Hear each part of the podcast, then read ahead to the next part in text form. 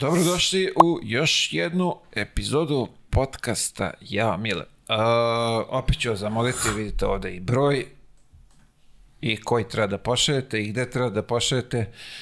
Uh, naša pomoć za ognjena nama to ne znači mnogo, njemu i te kako znači ovaj, to vam je jedan espresso, kisela, pa i lit, nije ni litar goriva, tako da ovaj, budite, budite darežljivi, pomozimo dečku da se izleči, da ima a, budućnost. A, hvala vam što ste u, u, uz nas, uz podcastu, iz, u, u, uz emisiju. Hvala i Admiral Betu što, što u nas, u, uz nas i prati nas. E, opet, konstantno ponavljam, e, moram, bit ću dosadan, Imate tamo YouTube, možete da se subscribe-ujete, da pomognete ovaj našoj maloj zajednici, imate Instagram, imate Facebook, još neke tamo društvene mreže, šta god, gde god ovaj, tu smo, imate i audio platforme, ako ne želite da nas gledate, možete da nas slušate, šta god da to radite, da li vozili, bili u busu ili šta već, sluške uši i pustite ovaj, opustite se i uživate. A, danas imam prvog, da kažem, grčkog internacionalca u, u, u emisiji za gosta. A, sa mnom je ovde a, Duša Šakota. Dule, dobrodošao. Bolje vas našo, Mile. Hvala na pozivu. Hvala što si odvojio svoje vreme da uveličaš ovaj mali mali show u ovom našem skromnom studiju. Na, u, u, kako biše, u, univerz, ne, univerzum na kraju, ne, kako biše? Ovaj, studio na kraju univerzuma. Studio na kraju univerzuma, tako je, tu smo u studiju na kraju univerzuma, nemojte zaboravite i to, ima tu svašta nešto zanimljivo, još nekih ovaj, projekata se ovde radi, tako da možete i tamo zapratite, ima Instagram stranica i za to, je tako, Infinity Lighthouse, pa tamo šta naćete. Još jednom, dobrodošao. Uh, u Beogradu si, iskoristili smo priliku da te zgrabimo, povučemo, da ispričamo neke zanimljive priče. Uh, ajde ovako da krenemo. Ceo život si proveo u, u Atini. Koliko ti je Beograd što bi se reklo, u, u srcu. E, pa ovaj... Pa više nego što bi očekivao, znaš, s obzirom na, na vreme koje sam proveo u Grčkoj, E, dobro, skoro ceo život. Mi smo kao porodica, mi smo se preselili u Grčku 91. Ovaj, ko prati košarku verovatno zna da, da moj otac je košarkaški trener, pa ja i moj stari brat sa našom majkom, naravno, krenuli smo putem Soluna tada, e, jer je on ovaj, našao angažman u Pauku 1991. I onda tako je to, kako se odvijela njegova karijera, naravno, ja sam imao tada 5 godina, moj stari brat sedam, i ovaj, generalno je on krenuo da gradi dobar deo svoje karijere u Grčkoj i na, naravno mi smo krenuli tamo i u školu i sve, naučili jezik, dobili državljanstvo 2002 i, i tamo generalno uglavnom i ostali.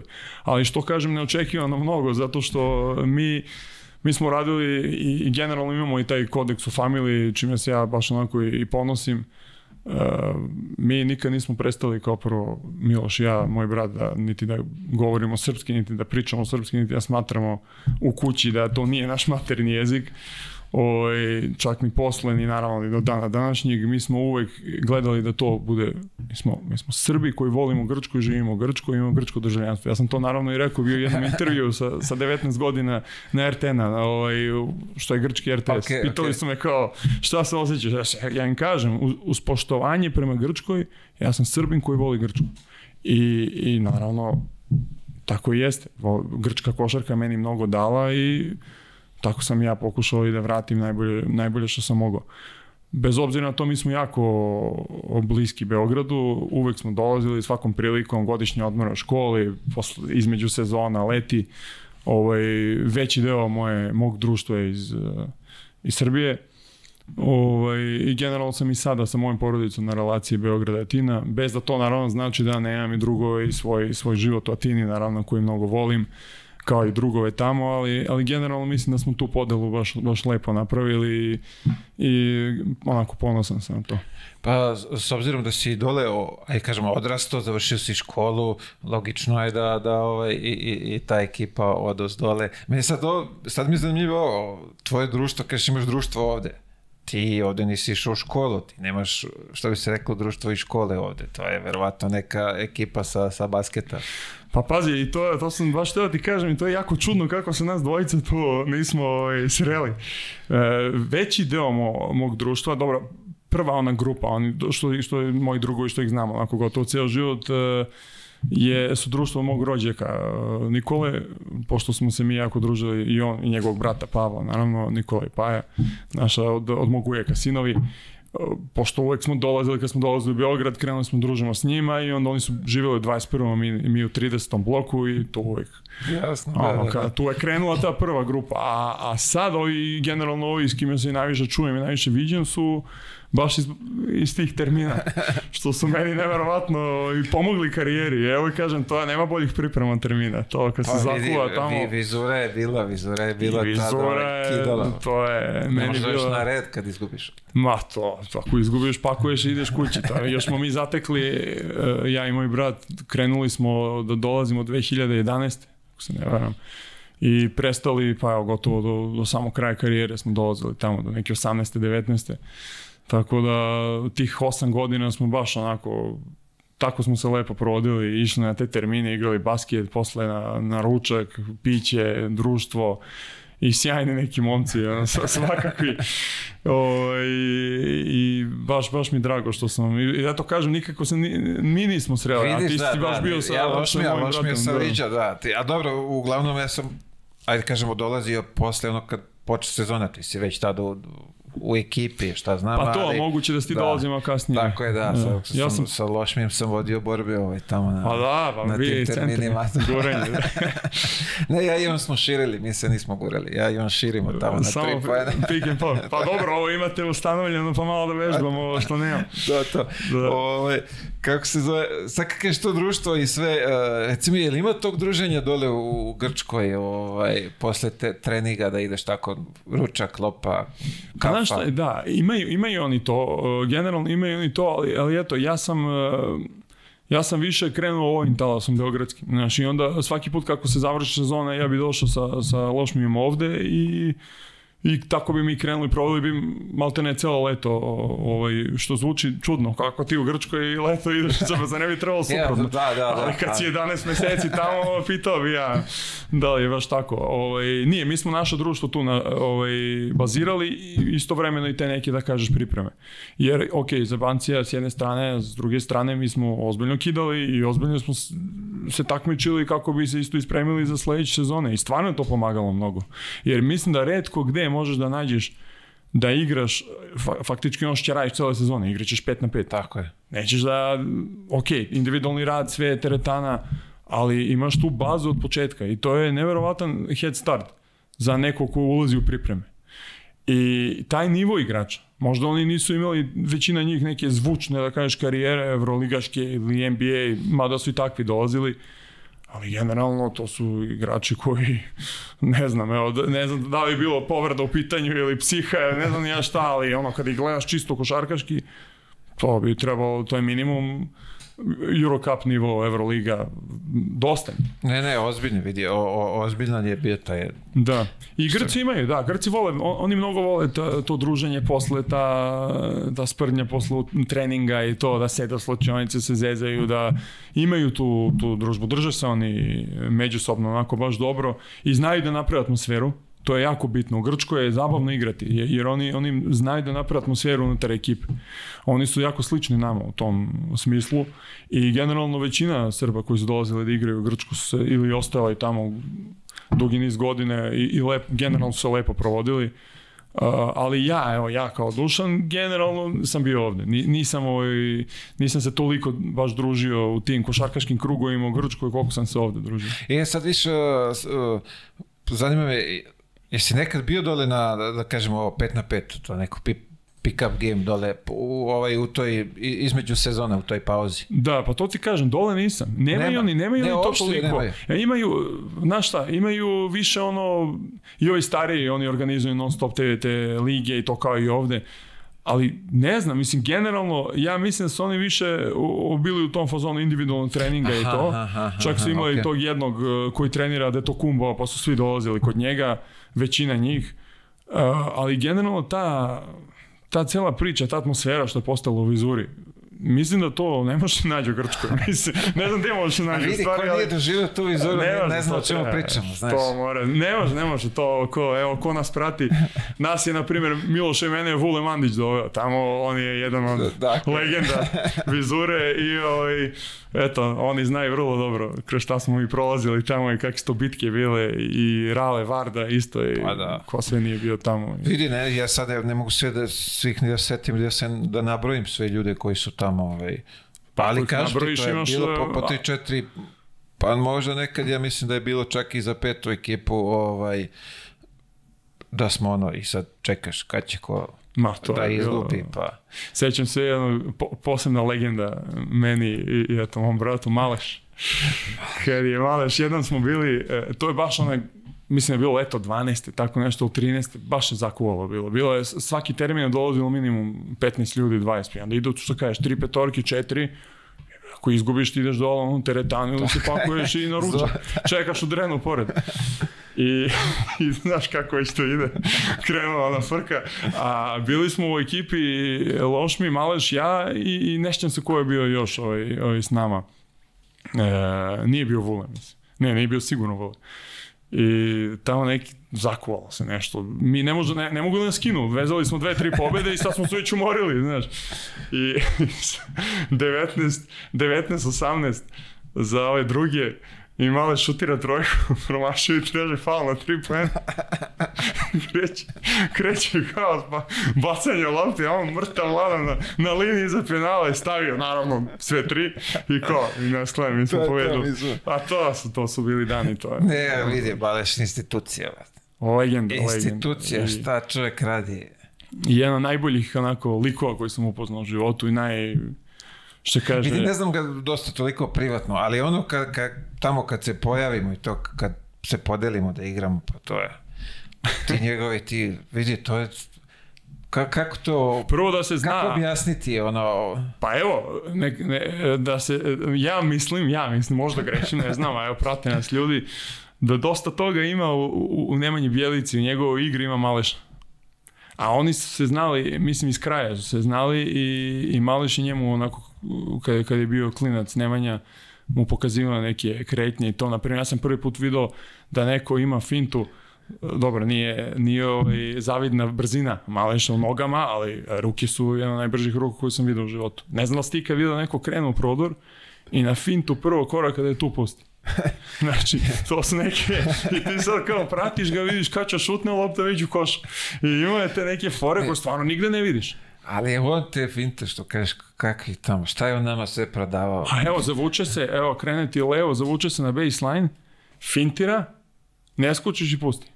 I ti kao čekaš, da, sad će on kao opet, znaš, sve u nekom kontraritmu. I stvarno kad pogledaš uh, leg, on, vrhunskog košarkaša koji je dostio i svoje prste na NBA-u. Kad stvarno, kad, ja sam počeo da gledam ne, i stvarno sam primećivao neke stvari koje on verovatno od njega ovaj, primenio i to. Moguće, to, to da, je... vi sad uopšte ne bi povezao da, nikad to.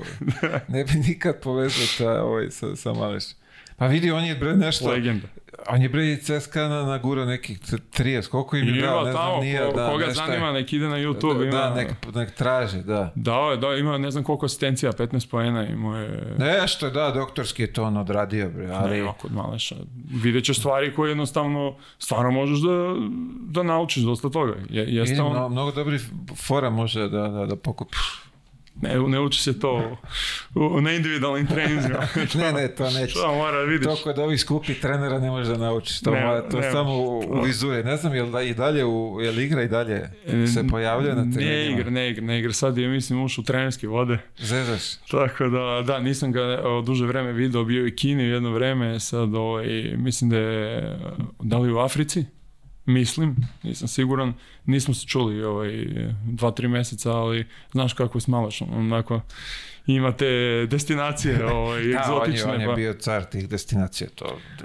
Ali generalno, stvarno, evo, od, više on, on je jedan najbolji drug mog, mog brata i tako sam i ja imao priliku da, da ga upoznam i lično, ne samo na terminima i to i evo, ko, ko nas prati, ko zna njega, zna da je to stvarno jedan neverovatno skroman čovjek i, i dobar karakter i, i baš onako harizmatičan lik, eto, najmanje, najmanje reći. Apsolutno, apsolutno. Ko nije, ko nije upućen o kome pričamo, izgooglajte tamo, potražite na YouTube-u, vidjet ćete neke čarobne poteze. Tako je.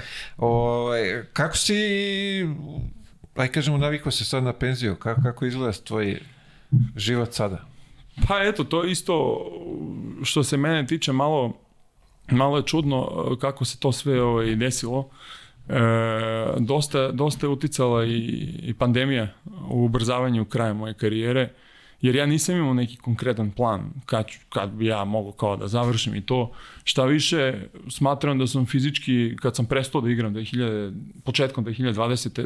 baš pre prvog velikog lockdowna, ja sam bio u Murci, u Španiji, u ACB mm -hmm. ligi, I ovaj, ok, ja sam konkretno te sezone imao par povreda koji su me malo ovaj, usporile, ali, ali godinu pre toga ovaj, moje zadnje u Ajeku i to ja sam se fizički osjećao da sam imao sigurno još 3-4 sezona minimum i tako sam i planirao. Paralelno sam uh, ušao neke privatne projekte ovaj, u, u Grčkoj, što su krenule i tada, ovaj, počele su da se e, primenjuju i onda završila se ta sezona pre vremena, ja sam došao u Grčku i zatvorili nas, još je Grčkoj baš bilo rigorozno, tada mnogo, mnogo gore nego u Beogradu, tada nisi mogao, morao si neke poruke da šalješ da bi, da bi izašao napolje. Aha, aha. Da obrazložiš izlazak, naravno zaključane sve hale, pa tu ovaj, istovremeno mi krenulo ovo to, to moje drugo što, što čime se bavim i prošlo to leto, trebao sam, imao sam neku, neki razgovor sa Ajkom, nije se na kraju ovaj, eh, to, to desilo. Uh, i realizovalo i došao sam, što kaže, do neke raskrsnice i do te odluke da li nastaviti, eh, a da nastavim već bi bilo meni teško jer sam proveo već tada 5-6 meseci da nisam imao gde da treniram, i račun sam došao u Beograd da sam krenuo opet da treniram individualno i donekle se vratio neku eh, ovaj, formu ili da, da kažem sebi, pa pazi, svakako kad budeš završio bićeš mlad čovjek, moraš da radiš nešto drugo. Bolje sada da se fokusiraš na ovo što si, što si i uložio neki novac i, i kako se zove što želiš da radiš da bi naučio taj posao. Jer ja se generalno vodim da, da šta god pokušaš u životu i čime god hoćeš se baviš da neće biti lako, kao što i jeste Znači, nemoj da ljudi misle da, pošto sam se namučio u jednoj košarkaškoj karijeri, da posle ako nešto pokušam da radim, to će biti laganice, jer sam šta ovde umorio. Još, još teže. još teže će bude, najverovatnije. I ja sam bar bio svestan toga i, i ovo je rekao, ajde, bolje da se ja fokusiram ovde, da, da napravim taj eh, flying start, da imam, da imam taj, taj, tu prednost vremensku. I, I tako se desilo. Prođeš dve godine, eh, znaš, ja sam već ušao u to, ali da mi ne, stvarno mi nedostaje košarka i, i krivo mi što se tako baš završilo, da nisam imao malo neki, eh, da kažeš, eh, organizovani kraj karijere. Eto tako ću reći. A dobro, mnoge nas je, kažemo, pandemija i naterala na te odluke sad. Da li prestati ili nešto drugo raditi ili šta god, ovaj, uglavnom uticale, uticale na, na, na, na veliki broj aj kažemo, i karijera i biznisa, čega sve nije, tako da nisi jedini u tom. A sad kad si, kad si mi spomenuo, uh, imao si taj biznis si počeo uh, za vreme dok si igrao, jel tako? Jeste tako razumeo? Pa tad sam odlučio, tad sam odlučio, a to je počelo, to, konkretno se radi o gradnji u, u južnom delu Atine ovaj, i onda je to počelo baš negde u septembru 2020. I, a, a prvi lockdown, ako se sećaš, je bio u martu 2020. Aha, što znači je mart, aha, e, okay. april, maj, jun, jul. Pitam te zato što zanimalo me da si mogao da se fokusiraš i, i na basket i na posao, ali dobro, nije, znači nije to bilo, je nije bilo. posle. Da, nije, da, se, da, nije se ovaj, preklapalo. preklapalo. Da, nije da, se preklapalo. da, da, da, da. Ok, pošto onaj iz mog ličnog iskustva znam da je nemoguće ovaj, na, na dve stolice, tako da... Ko ovaj, to uspeva, svakam čast. Ja sam pokušao, nisam uspeo, tako da, baš zbog toga te pitam koliko ti je, ali ti si posle toga to pa pokrenuo Eto, zato sve, ti, da. zato ti sad uspešno ovo što radiš, jer možeš da se fokusiraš na jednu stvar. Ja sam generalno pa da. pristalica toga, da, da ako ćeš nešto da radiš, bolje radiš jednu stvar kako treba, nego tri na, na, na 20, na 30% jer neće ni jedno ni drugo ni treće da ti bude kako treba, a ovo jedno će da bude. Tako da, da uvek sam, evo, ako se ja pitam, uvek bi pre to. A, reci mi, si zadovoljan sad kako biznis napreduje, kako to sve ide? Pa zadovoljan sam e, s obzirom da, da je to jedan, jedno jako teško polje koji sam, koji sam ušao i zadovoljan sam time čime, šta sam sve naučio i s kim sam se sve umražio i uh, i taj ovaj, ta poznanstvo što sam napravio kako bi imao nastavak. Jer cela pojenta imati nastavak. Sad, da li ti uradiš jednu stvar, bila ona uspešna, nije, ovaj, ako, ako staneš tu, isto ti se piše. Malte ne, ovaj, Tako da sam zadovoljan i bilo je jako teško jer nisam, nismo ima, nisam baš krenuo najboljim mogućim tajmingu. Kreneš da, da radiš nešto što da zavisiš od e, klijentela i da ti se desi svetska pandemija, nije baš e, poželjno, ali, ali sam uspeo da, uspeli smo da se izborimo, svi koji smo učestvovali u tome i da, da završim to i da sad postoji taj potencijal da se, da se ta priča nastavi. Pa dobro, mislim, Uh, ovde kod nas gradnja cveta, ne znam kako je u, u Atini, ovde se zida kada nije bila ni krize, ni pandemije, ništa. O, da, da. Pa generalno, dobro sad, ovaj podcast, da ne idemo, da ne smaramo ljude nekim drugim temama, ali generalno, konkretno tamo gde, gde, gde sam ja ovaj, aktivan u, u tom delu Atine, E, to su neke lokacije koje, isto kao i centar na primjer Beograda ili, ili nešto što ne gubi vrednost jer je blizu mora.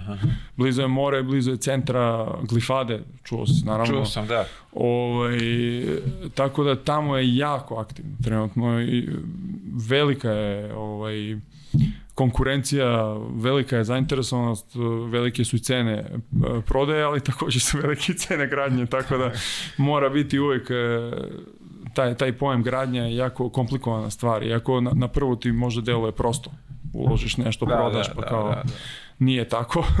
Pa, ovaj, Ko se nije upustio u to, ne znam. I, I tako je.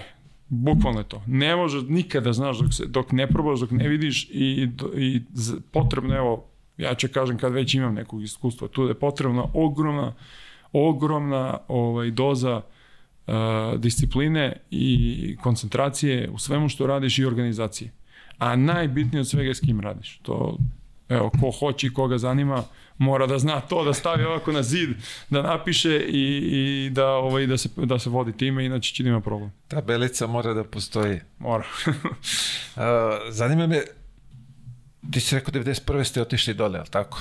Kako to je izgledalo u, iz tvog ugla tad odlazak u Grčku? Pa mi smo, mi smo imali, e, nije bilo lako. Nije bilo lako jer smo mi bili klinci. Mi smo napravili... Si krenuo u školu ovde beše? Nisi, nisam Miloš jeste, jer je on e, u, u Srbiji se kreće sa 7 godina, ja sam imao ovaj, 5 i, aha, aha, i 6 kad smo krenuli. U stvari, Loš 90, mi već 90, bio u školu krenuo. On je krenuo, da, tri, tamo mi smo živjeli u 30. bloku i znaš kakav je 30. blok, što ima one platoje, pa ono ogromna livada između. Da, da, da, da. I tu smo ovaj, napravili, imali smo ogromno društvo. Živjeli smo kod eh, pokojnih baba i dede, roditelji mog oca. Tu, tu su i oni bili i svi smo bili tu faktički i onda izlazili posle kućnog reda, to je bilo 20-30 dece, ja se sećam i toga, dobro, većina njih ne, životne okolnosti takve da nismo više u kontaktu, to su bili klinici, deca, Ali se sjećam, ja imam ovaj sećanja da, da baš napraviš jednu bazu u društvu, jer jednom ti se sad odcepiš od toga i ideš u neki totalno drugi svet. Za jedno dete od 5 i 7 godina to je jako teško bilo. Samim tim i u Grčkoj, kad kažeš kao otišao si u Grčkoj, a tamo opet ista priča. Odemo u Solon, krenemo da pravimo neko društvo, ovo, ono, ajde Atinu sada. Pa odeš na Tinu i sve iz početka. Dve godine u Atini, sve super, krene tu da se družiš, ajde nazad u Solun. Pa onda, da, znaš, kako već to da, ide. Da, da, to je kao kao ono što je bilo u Jugi, ono gde Čale dobije posao, tako, tako se seliš od grada do grada. Evo da. ako, brzinski ja ti kažem, Šale 90. prvo bio Paok, pa Patra, 92. pa, pa nazad u, u Solun za Iraklis, pa opet pao, znači to su dve godine bilo u Solunu, pa onda tri godine u Atini, dve godine u Peristeriju sa Gurovićem i sa Jarićem, onu ekipu što su imali, onda godinu dana smo ostali tamo, on nije imao posao, smo ostali zbog škole, znači tri godine tamo i onda za Iraklis. Opet još dve godine u Iraklisu, jednu u Arisu, tri godine tamo i onda aj, opet nazad u Atinu, tako da, znaš, bilo je, za, kad si klinac nije ti lako. Nije ti lako. I onda smo ja i Miloš baš se bili mnogo vezani iz tog razloga. Isto smo imali većina puta samo jedno drugo. Da, da, da. Bukvalno ti svako leto mora novo društvo tražiš, I biraš, čekaš. Znaš, i... Ok, ja nemam, ja kažem, mislim, svako, svako ima svoje probleme i, i svakom je svoj problem najveći. Ja nemam, ja slušao sam ja, mada ja znam većina, ako ne i sve tvoje goste prethodne, ja nemam priče da sam hvatao tri autobusa da dođem do treninga i to, to nisam imao. Ali ja sam imao druge neke stvari koje, koje su stvarno ovaj, izazov, kao na primjer da, da si ti kroz celu tvoju karijeru bio pod jednom velikom senkom. I ti si da, konstantno da, da, u potrebi da, da, za dokazivanje, za, i to ne ono kad si već ti postao igrač, nego od juniora, od kadeta, od, od pionira. Od prvog treninga? Bukvalno, i pogotovo 90, krajem 90-ih, početkom 2000-te, da, da je Šale kao trener u stvari bio i, i u zenitu svoje karijere, na, na najvišem nivou, bilo je jako teško. A pritom si, nisi Grk. nisi Grk, jako, ovaj, nisi. Ti si, ti si ovaj, Koliko god zna jezik i sve, ne, nisi, da, da. Nije. ne, ne gledajte tako. Ne gledajte kao što je normalno, kao što ni ovde ovaj, što je donekle normalno, iako ja nikad nisam imao ni jedan problem u Grčkoj i stvarno imam i drugove, kažem i i mnogo volim tu zemlju i, i taj krug ljudi koji sam imao sreću da, sa, da sarađujem sa njima i da se družimo i sve, ali činjenica je da, znaš, Srbin je Srbin, Grk je Grk dakle. i kad si klinac to, znaš, ove malo razlik, razlike te postoje, znaš. A, e, prvi trening, gde, gde, gde si napravio sad od svih tih klubova ne, ne mogu da povatam, ajde. Pa debil. Pa evo, ja, prvi trening je bio, organizovan trening je bio u Solunu. U Solunu 90, 98. Eh, Kad to je Šale bio na, na njegovo insistiranje ili...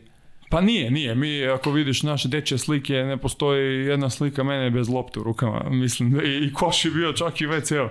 Tako da mislim da je negde, negde prirodno bilo. U WC-osima ko zna. Ba, sve, one, one, znaš, ono se zalepe za vrate ili da, se da, da. zakače, da. pa bacaš i ono, baš smo, mnogo smo volili košarku i volimo i nije nas, šta više, on je, on je ono, nikad nije to potegao tu temu s nama, šale, ni, ni naša majka, da treba kao nešto. Jeste on religiozno, on religiozno prati košarku i dan danas on je, baš smo rekli pre emisije, ja nikad nisam upoznao čoveka koji može vežati toliko utakmica za redom da gleda, a da mu, a da mu nije posao novinar, ne znam ja da, šta. Da, da, da, a pritom je u, u godinama čovjek. Nije, a da, je, da, da, da, i takako je on i dalje e, oštar, što se kaže, trenerskog posla i to je, mislim, stoji videlo i prošle godine u Saragoci, gde, gde je preuzeo tim kada je bio u ozbiljnom problemu Tako je, i, i da. faktički ih spasio, da. Ovaj, I on je, to, to isto je ovom prilikom da kažem što se tiče Šaleta. Ja mislim da se po par, par puta kad sam čuo onako u javnosti, stvara se i što je apsolutno logično neko mišljenje kao pa dobro, on je u godinama, on, on možda ga i to toliko ne zanima. Evo ja, koji sam svakodnevno u kontaktu s njim, apsolutno nije tako. On je, on je tekako aktivan dalje košarkaški, prati sve, Euroligu, Eurocup, uh, Champions League, zna sve igrače, neverovatno koliko je njegova koncentracija i dalje tu i, Svakom, i, ovaj, i ta ljubav prema košarci generalno. Pa dobro, da nema ljubavi, verovatno nema. Ma ne može, bez da. toga to ne, ne može nikako pričali smo da ja ne mogu ispratim jednu utakmicu, a zamisli njega koji prati po, po sedam utakmica. Pa dobro, to što ti kažeš, zavisi gde ti je strast.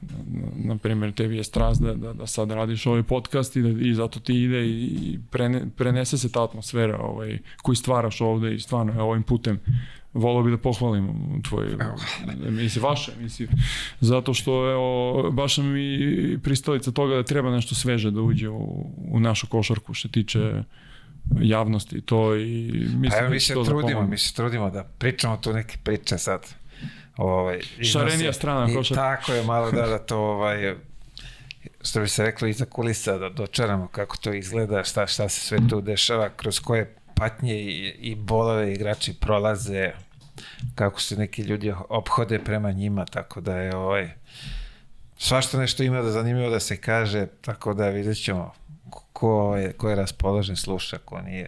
I, ima druge ovaj. Gubi. Hvala Bogu da nas ima i ovih zadruga i farmi. Svako može da nađe sebi šta, šta odgovara.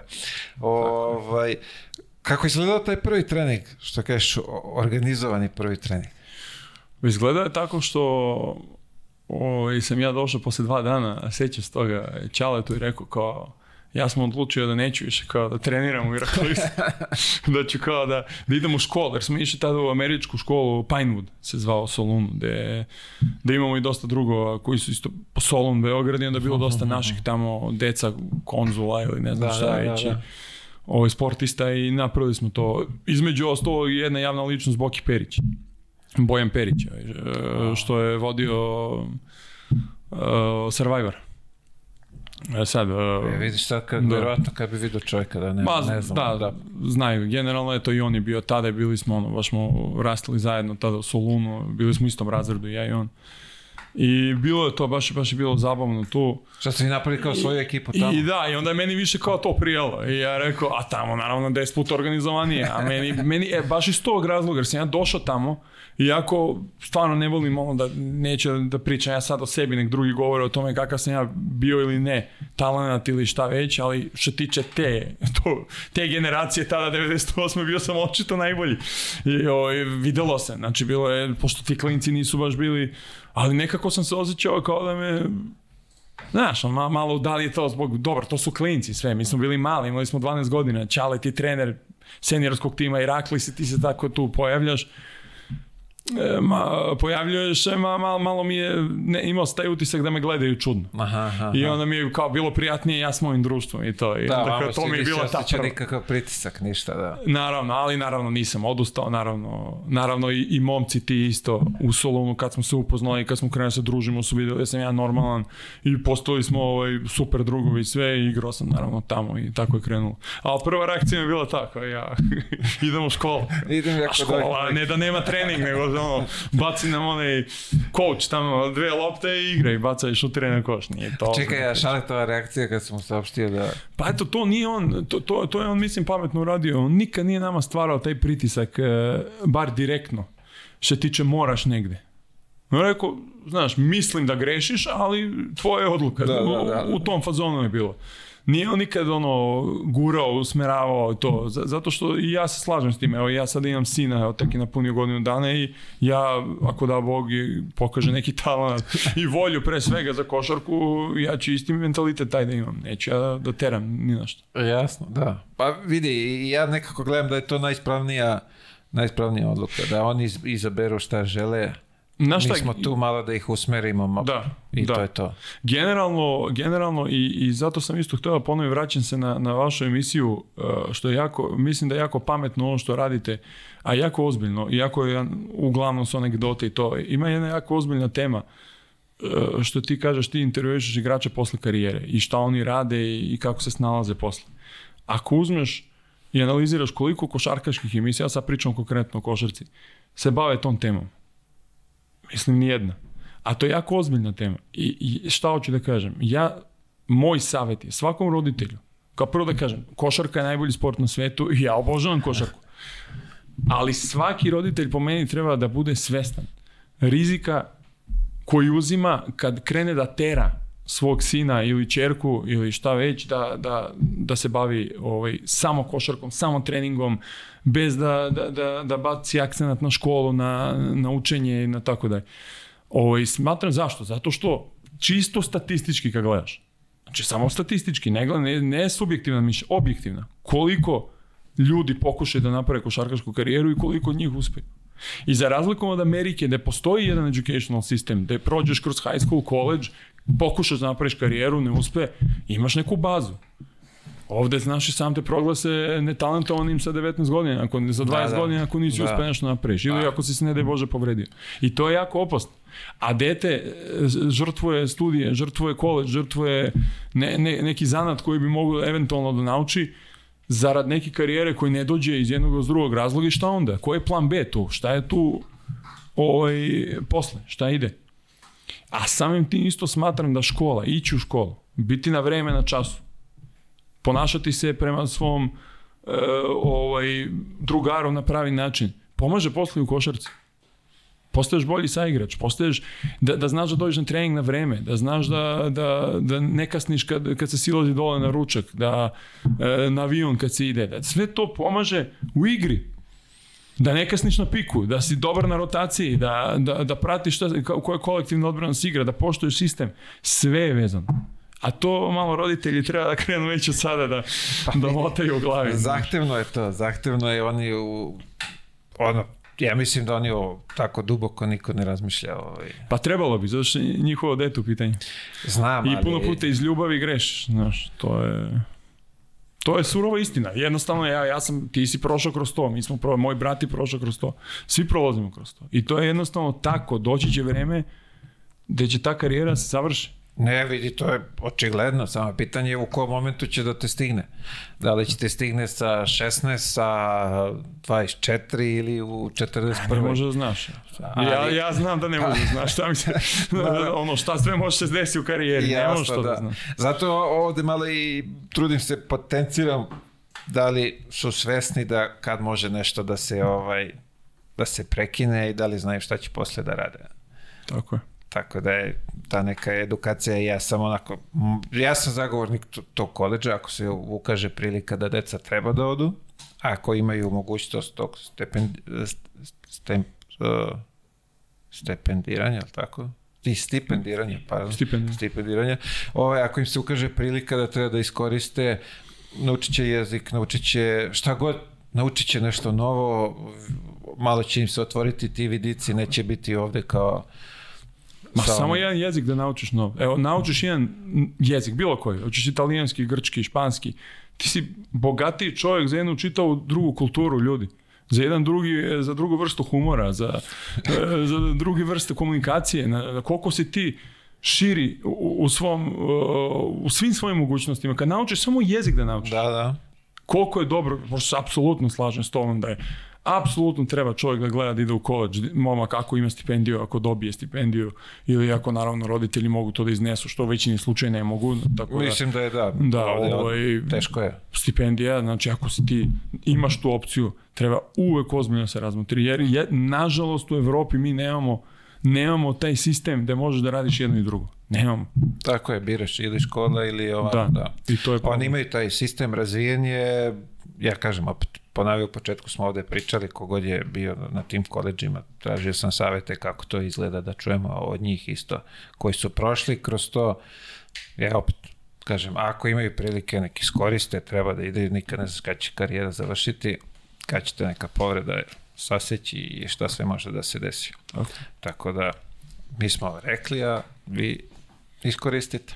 Ovaj, uh, se vratio malo na, na početak, taj, kako je izgledalo sad to tvoje, te mlađe kategorije? Ti si, ne samo ti, uh, cela porodica sa šaletom gde je on tu i vi.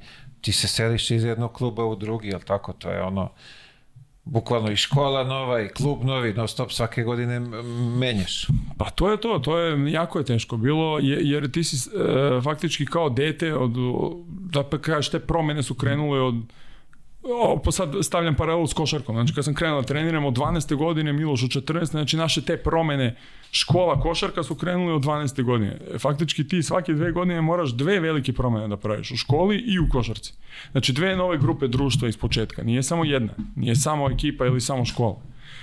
Ali opet evo moram se vratim na, na, na Grčku i, i stvarno tu i Grci generalno koliko su nas kao, kao porodicu šakota. Uh, kako su nas zagrlili i, i stvarno su nas prihvatili, jer e, mi smo, mi, mi smo isto došli tu s ljubavlju prema toj zemlji i naučili smo i taj jezik i družili se i stvarno smo se aklimatizovali, što kaže, u Grčkoj i njihovoj, i njihovoj kulturi i stvarno do dan danas, evo vidim, šetam se ulicom i to kako poštovanje šale ima u Grčkoj, na primjer, evo sad ja se bavim nekim stvarima koje nema veze s košarkom vidim kako ljudi reaguju na njegovo ime, koje je to poštovanje i to ima, nema veze s uspesima, nije to da li si ti, koliko si ti titula osvojio ili nisi, kako si se uh, ponašao i kako se nosio. I isto tako i mi, uh, i mlađim tim kategorijama, bilo je teško, ali svaki put smo, smo stvarali to, to društvo i bilo nam je na kraju prelepo. I, i stvarno, zato i toliko volimo, volimo Grčku. A, ono iz mog iskustva, samo menjanje to ja sam isto ratno zadesio, pa vuci levo, desno, menjaj, je uh, došao od toga da ja sam bukvalno iz osnovne škole, ja ne, nemam nijednog prijatelja. Znači, e, po, pogotovo kod vas koji ste ono kažeš, zavisi koliko su mu ugovori trajali, pa ti seli se vamo, no, non stop neke ljude nove upoznaješ, izgubiš se, bre, na kraju ne znaš ni gde si došao, ni gde si pošao, tako Just. da, mislim, pogotovo u tim godinama kad još nisi ni, ni sazrela osoba, pa je ono, sve ti sve Teško ti je, čudno je. I... Da, sada je, nemaš, to pričaš čoveku koji je da je Teško koji je živeo za vreme sankcija u, u Beogradu i hvatao četiri prevoza dođe do treninga. On će ti kaže da, šta je da. tebi bilo Indijanac Teško. Normalno, ja to sve razumem, ali, ali kad pričamo čisto psihologija jednog mladog momka koji ulazi, baš kako, kao što si rekao, ulazi u krug društva i, i gubi ga i treba iz početka da pravi, s te strane je bilo teško. Apsolutno, I, da. i, i ovo ovaj, jeste, i to se i dan danas, evo, nemaš, ne, nemaš ti neko društvo, kažeš ja znam ceo život ovog iz kraja ili onog iz kraja, ne, nema toga, da, i to je ovaj, dobro, svaka situacija ima svoje dobro i svoje loše, mislim, to je, to je tako u životu. Naravno. Uh, jeste išli vi na, na, na šaletove treninge, vodio? Jeste, jeste. Vodilo, pogotovo jer smo mi uvek, kažem, trenirali smo uvek u klubovima da je on trenirao, jer je tako bilo najpraktičnije i i, ovo, ovaj, i za prevoz i sve, ima i te logistika iza toga, da je naša Keva nas vozila jednog, pa nazad, pa pravi ručak, pa drugog, pa na kraju smo krenuli taksije da hvatamo i da idemo sa saigračima i to je stvarno bilo je mnogo teško. Ovaj, pa tako da je bilo uvek normalnije da idemo na njegove treninge i uvek pioniri i juniori treniraju pre i onda mi ostanemo, sačekamo da on završi trening, pa smo tako gledali uvek njegove, sećam se s peristerija Milana Gurovića, Marka, dolazili posle kod nas kući i oni bili klinci isto. Mislim, šta su oni imali tada? 20, Mislim pa, da je Marko imao 18 da godina. 20, da, ali ne, Marko imao 17 kada je došao, a, a Milan je imao, šta je, možda 3-4 godine stariji. Koliko, koliko je Milan stariji? Pa ne, pa evo, pa, e, Gurke je 75 6 tako? Da.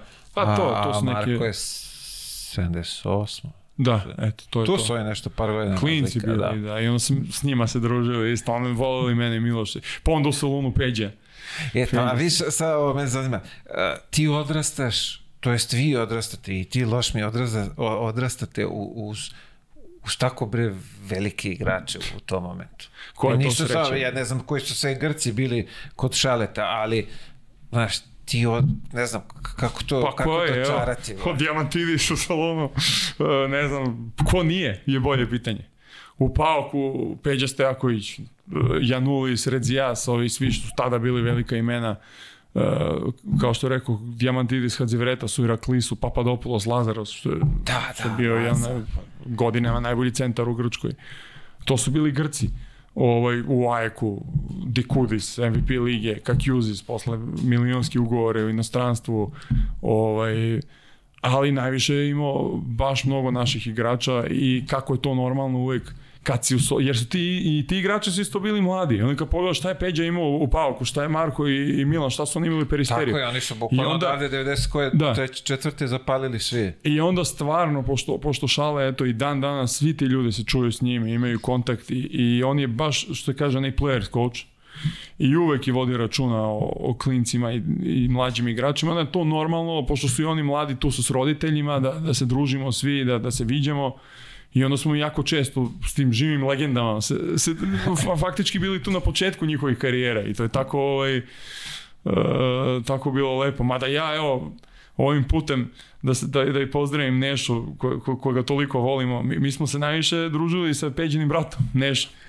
Neša je legenda bio, dolazili kod njega kući igrali igrice, a tada je Peđa bio bog u Solunu, već je krenuo, on je, već bio, on je bio MVP lige s 21 godina. Zajebaš. Tada. Peđa. Prvi strelac MVP lige. Kad je pao kuža u finale, 98. U, u finale i onda je posle lockdown bio, ako se sećaš, 99. I onda od NBA već je potpisao za Krajent, a on je u Solunu bio, pazi, šeta i ljudi i pada, ta, taka, taka reputacija bila. I onda naravno kako to već ide, svi vole malo kad se pojavi Peđa. A nas dvojicu letimo kod njih kući i direktno kod Neša jer imali smo onaj igricu, sećam se onaj Looney Tunes je bio i, i FIFA tada posle Miloš krenuo s njim da igra. A mi ne, mate, ne primetimo Peđu. Znaš, volili smo mi njega, stvarno i vole, ali, ali Nešu smo obožavali. Nešu i, i, i njegove roditelje, Brku i Branku i baš. Je, Brku sam familija. upoznao, da, Brku baš, sam imao prilike da upoznam. Ne, verovatno familija, baš ono... Čekaj, Neša Miša stariji od njega ili je mlađi? Stariji, stariji, stariji par godina mislim. Neša. Ti Neša je bio zadužen za... Kako je Neša nas o, i šeta nas. Posle kad smo bili stariji krenuli da provocira i ono, Miloša više jer on ušao ono pobedi go Fifi pa ono, znaš. To je bilo generalno kod nas pravilo posle u kući. A, a, a kad igraš Fifu, ako, ako daš gol i pustiš lavlje, to lete džojstici televizori sa to nema. To je najgora stvar što može radiš i da daš gol i, i da ne pritiskaš ono, da se ne čuje dugme, da ideš što, što brže jer, jer shvataš kao provokaciju. Ne? I neš naravno da gol i ćuti, onako, ispuštano, usporen s njim, no Miloš Kipi. Pa to je, da, baš, bilo nam je prelepo, baš ovaj, baš je lepo bilo. Čače, mi sad, kad, kad to spominješ, imao sam neki prijatelj tamo u Bahrinu, mislim ima ih da, da, da živi su, zdravi su, ovaj, pa, pa igramo to, znaš. Pa onda kad vratiš, pa kao vidi iz ovog ugla, pokrećeš kameru, pa da. a ovo je sagoreva pa, tamo. može ništa gore. Primio si ga i još, hoćeš da nastaviš da, ono, da igraš što brže, a ovaj pošta, kao gleda, divi se svojim golom. pa to ne, ja sam teo da se izbodem nožem. Nema ništa gore od toga. Čekaj, jesi bio zavisnik od tih igrica? Jesi... E?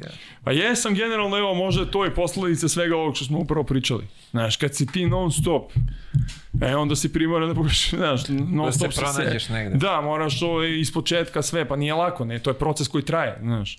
I onda možda to je posledica bila da mi malo kasno izađemo sa socijalizom, što kaže moj brat i ja, i onda tih pubertetskih godina smo najviše bili samo kući, cepali igrice, dobro, ja sam rano krenuo u ozbiljnu košarku, ja sam se 17 godina već potpisao u Panathinaikos, tako da se ozbiljila priča, morao si već dva put dnevno treniraš, pa si onda i umoran, nemaš ni vremena da, niti se ja, ja, ja sam volao i da ne izlazim dok igram i to samo preko leta, znaš, nisam, hteo sam onako da imam tu neku disciplinu i onda smo baš bili zavisni.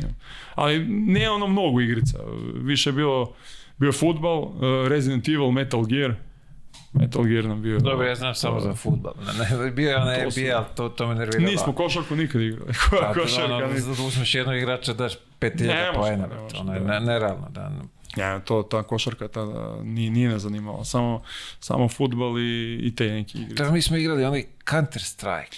E, Counter Strike, da, to je bilo, e, to je već bilo ono posle škole, odeš u internet kafe, e, pa... tako je, da. da, da, da. Mi smo u Železniku, kad da. se završi trening, bio neki klub dole.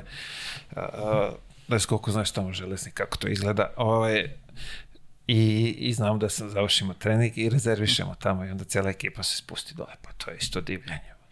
Pa, ah. pa još ono kad ga zakolješ, znaš, pa one kao oni, kako se zvala to, headshot, onaj, Da, Aj, pa to je onda pa kao... Ti, e, pa da, to divljanje, to čuš pro, prozivke lupanje, pa to je bio, bila havarija. A lepša, lepša vremena, evo sad ti meni reci da li je bolje kad se svi, svi skupite tu jedan pored drugog, pa, pa ide sprnja, nego da si ti sad na svom kompjuteru na headsetu i pričaš onim ne, koji ne, ne u Kini da. igra. Nije, nije, ne može to bude isto. Ne, može ne nikako. ovo, ovaj, ovo, ovaj taj, u, ovaj live doživljaj je mnogo, ne, mnogo jača stvar. Ništa nikad neće zameniti live, taj tu interakciju što imaš kad si blizu svog druga i možeš nekako i da se zezaš s njim i da ga zajebaš što da kažeš i da provociraš i da nema što da zameni tehnologija nikad. Ne, pa ne. Da, da. Vidi, sad ne znam gde će odvesti ovaj VR i ova čude šta sve prave, ali opet ja mislim da...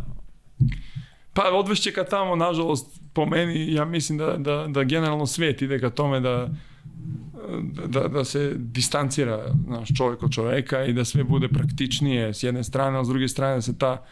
Ćemo e, sedeti kući svi, ono... Nažalost, kad tom ide... neku, pretpostavljam, u bliskoj budućnosti da će bude i onaj VR slava, znaš. Da, Sa... kao, lomiš hleb, ovaj s jedne strane, ovaj s druge, kao, polomi se na ekranu. Ma ne, to je... Neću da razmišljam o tome jer se plašim, stvarno jer sad imam i sina i, i plašim se šta, šta nas čeka. Šta ih čeka? Mislim, tu njihovu generaciju koja dolazi... To pa je... generalno sad ti uzmeš kroz istoriju i kažeš, pa dobro majstore, je bi ti rađi da si živo 40. Kada napuniš 18, spakuješ i krenuo si, A, ali ne može sad, na, s te strane, statistički gledajući, da je svaki 10 godina izbio neki rat, ok, normalno da mi živimo najbolje dobo ikada. Da. Ako gledamo istorijski ali suštinski ako gledamo što tiče nekog druženja, neke, neke socijalne, socijalnog društva je najgori ikada. Mislim da, da gubimo, gubimo da. tu taj ovaj, dodir jedan od drugog i i generalno ljudi postaju sve zatvoreni i zatvoreni iz te strane kažem da da se plašim jer utiče utiče ja sam jako druželjubiv lik i volim volim društvo volim okupljanje volim gužu zato i tebi vizura i odgovarala pa, i posle i tren i sve ostalo šta je. Ba, pa jes, pa ja nikad nisam o, iskreno ti kažem imao sam igrao sam 18 godina profesionalnu karijeru sa živim legendama sa igračima i titule su bile tu i sve ja se nikad nisam proveo kao vizuri nikad i to je ono to ti kažem 100% je tako. Kako ti objasniš sad nekom Grku dole, čovječe, da lupam koji je bio šampion Evrope, ne znam koliko puta, evo moj prijatelj, da ti znaš šta se u vizuri pa dešava. Pa prič, pitali sam, šta je, ovo, žao mi što nisam, što nisu par puta trebali da dođi neki drugovi, ali nikako, ono, dobro, teško je letiti, znaš, Grci uvek imaju svoje ostrva i to. I, da, da, da teško je da odvojiš Grka iz grčke leti i ne treba i kako ni, ni logično da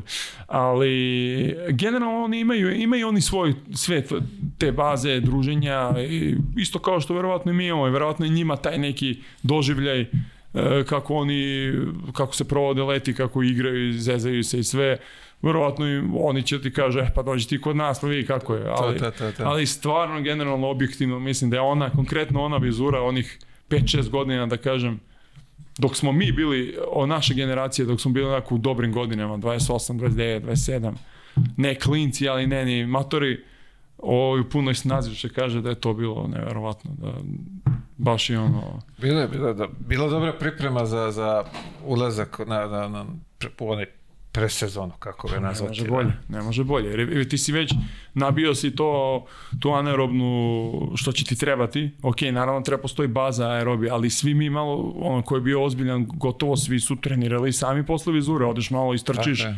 E, na traci ili napolje pa treniraš individualno, ali generalno ta baza je bila tu i to je ovaj, meni bar, evo, meni je pomoglo nevjerojatno. Sigurno. Uh šta si rekao, junior i tad kreće uh, Panetnikus, je li tako? Uh, ne, ja sam junior, uh, juniore, to je malo drugačije u, u Grčkoj, juniori kreću sa, uh, sa 17 na 18, to su juniorske aha, godine, aha. a ovi kadeti su 15-16. I ja sam te, ajde da kaže, počnemo od te ozbiljnije godine, kad su već ono krenuli da se igraju sistemi, da igraš košarku kako li, li da liči na seniorsku, bilo u ajku. 2001. Kad sam imao 15, Miloš 17. I tu sam krenuo, tu nikad nisam trenirao s kadetima, jer sam ja odmah, ja sam 86, a odmah sam igrao sa 84. Prebacim, I te godine, stari. da, i sledeće godine opet s juniorima, 85. 6. da smo osvojili, i onda sam potpisao za Panateniku sa 17 godina 2003. Ali nisam igrao za junior, bio sam samo u seniorskoj ekipi. A, e, je li uticao šale na, na tu odluku za, za taj profesionalni ugovor? se imao neke konsultacije s njim? Pa jesam, naravno. Ovaj, ja, sam, ja sam došao iz te sezone Ajka, te druge juniorske godine, gde smo bili neporaženi celu sezonu i osvojili tu, eh, tu grčku ligu. Eh, ok, naravno, sa, sa, sa tim pokojnim Nikosom što je bio jedan od naših najboljih drugova, ovaj, fantastičan jedan čovjek koji, koji je nažalost eh, preminuo od raka ovaj, 2015. I on je bio tada moj trener u juniorima Ajka najviše zbog njega bila godina kakva je bila, kako, kako je lepo trenirao, kako smo lepo atmosferu imali i e, ok, tri od, e, još trojice su napravili karijeru prvoligašku u toj ekipi e, zajedno sa mnom, ali generalno ta cela ekipa je bila ono, nepobediva I, i naravno ja sam se kroz to, kroz to sve i dospio do reprezentacije Grčke jer sam imao grčko državljanstvo 2003. za 84. u Solonu. E, Svetsko u Solonu. Bronzu, je tako? Tako je, tako je. Sa Skorcenitisem, Vasilijadisem, e, Vasilopoulos je bio Perperovlu, uh, e, Mavrokefalidis. Uh, e, Čak je Beš Amer i ostali za vas, je li tako? E, da, finale je bila Australija, Litvanija je bio Bogut. Joj, u, u Litvani Klejza. Generacija da, fantastična. Da, da, u, čekaj bre, uh, Ameri, Ameri To je šesto godište, je li tako? To je ovaj uh, Deron Williams, je li tako? Da, ali ja nisam igrao, uh, ja ne mogu se setiti, nisu oni bili na tom svetskom. Ne? I ako su bili, bili su nešto slavi, ne sećam ih se uopšte. Nisu bili među najboljim uopšte, ako su uopšte bili. E, generalno, Australija, Litvanija, Grčka, Srbija nije bila. 84. u Solunu nije bila Srbija. To je moja generacija, to je tvoja generacija. su zakazali, De, da. Da, negde su bili zakazali tada. I ovaj, I onda iz tog nisam ja puno igrao, ali sam kad me stavio baš, baš sam dobro igrao. Ovaj, dao neke šuteve, to išlo me. I tu, tu me video Željko. U Solunu je bio. I, i tada onako bio i naravno i Šale tamo, bio i tada moj menadžer Aleksandar Rašković koji je bio i Željkov menadžer, tada je napravila se ta, pritom Aleksandar i Rašković i Šale se zna i cijelo, ono, 90 i neke godine, tako da ta cela priča bila ovaj, željku primamljiva, rekao da, da dođe ovaj, Dušan kod mene, napravili smo četvorogodišnji ugovor, a nije šale uticao s obzirom da kako utica. Mislim to je to to je to što mene prati cele cele ovaj Ne, ne, ne mislio sam da li ti je ono rekao savet, i vidi, ovde da ti je Sa, dobro mesto da, za, za da, to, da, ne, da. mislim uticao. Da, savet, savet da. Ja ovo ovaj, što tiče da kažem, ja, ja mislim da je moj čale bio uh, da je radio neki posao koji nema veze s košarkom, da bi meni lakše bilo u karijeri. Pa sigurno. Sigurno. Ali ovaj, bez da je to njegova krivica, naravno. On je, jeste, dao svoje mišljenje, bio za to. Ovaj, tada je Panatenikus ulazi u svoje najdominantnije godine, ako se sjećaš. To je prva Željkova godina ili je već ne, bio ne, to? Ne, on je već, on je bio 99. 2000. je bila njegova prva sezona. Ja sam došao treće, četvrte. To je bila prva godina kad je Panatenikus, u stvari, izvini, druga godina, Kada je Panatenikos otišao iz, iz onog velikog stadiona, olimpijskog, Oaki, da, gde da. dan danas igra, i prešlo oni ma, u malo halicu i svi su to radili jer se spremali olimpijske igre 2004. I nije bilo velikih hala i svi su igrali po onim kavezima. Da, da, da. da. To su bile atmosfere, to je ludilo bilo. Igraš protiv Olimpijakosa u sport, Sporting se zvala ta hala, stane 2500 ljudi, to je ovako, znači, ha, ne vidi se ništa od dima, ja. ne, ne vidiš koš, no, bukvalno, kroz reflektore, malo ludilo, pa najbolji mogući način da počneš karijeru, to je da, da te onako baš, da odmah dobiješ taj, tu hardcore priču. Bilo je, da, to kako je bilo, je bilo Kako je bilo sad ti dolaziš kao klinac kod ko Željka, Željko je ono, strogoća, rad, red, disciplina, velika su imena, pretpostavljam, ne znam ko je bio te godine tu u ekipi. Jesu, već, Body Rogo je otišao te godine, a došao Ariel McDonald, e, od tih velikih imena tada je bio Ariel McDonald, bio je uh, e, Hadziveretas je bio tada veliko ime, jer došao iz CSKA, ako Nikos. Uh, Alvertis je bio dalje aktualan kao kapitan Pantenikosa i Mike Batist je došao, te prve godine maltene anonim, anonimni igrač iz, iz eh, NBA-a koji nije ono uspao da napravi neku značajnu karijeru i on je bio taj test, taj eksperiment što se kaže. Ovaj, on je bio sa, malo... Sa ovim uh, niskim centrom. Da, i nije imao, da. A, znaš kako je to, evo, isti Mike, ako ikada bude, mada ne znam da će čuje ovo, on to vrlo dobro zna. Uh, on kad je došao tada te prve godine, on je igrao četvorku. I uopšte nije znao kako da igra onako kako je odigrao posle narednih 15 godina koliko igrao. On je, on je volao fade away, šutirao trojke, nije koristio svoju snagu. I te prve godine i čak imao i neke povrede. Sjećam se, nije baš, nisu baš bili zadovoljni s njim. Osvojili smo prvenstvo i ispali smo u top 16 u Euroligi, ispali smo i u kupu. Osvojili smo samo prvenstvo. E, bio je okej. Okay. E, I bilo je onako malo da li će da ga zadrža sledeće godine ili ne. Jer su hteli da dovedu Turčana, Mirsada. Da. Iz CSKA.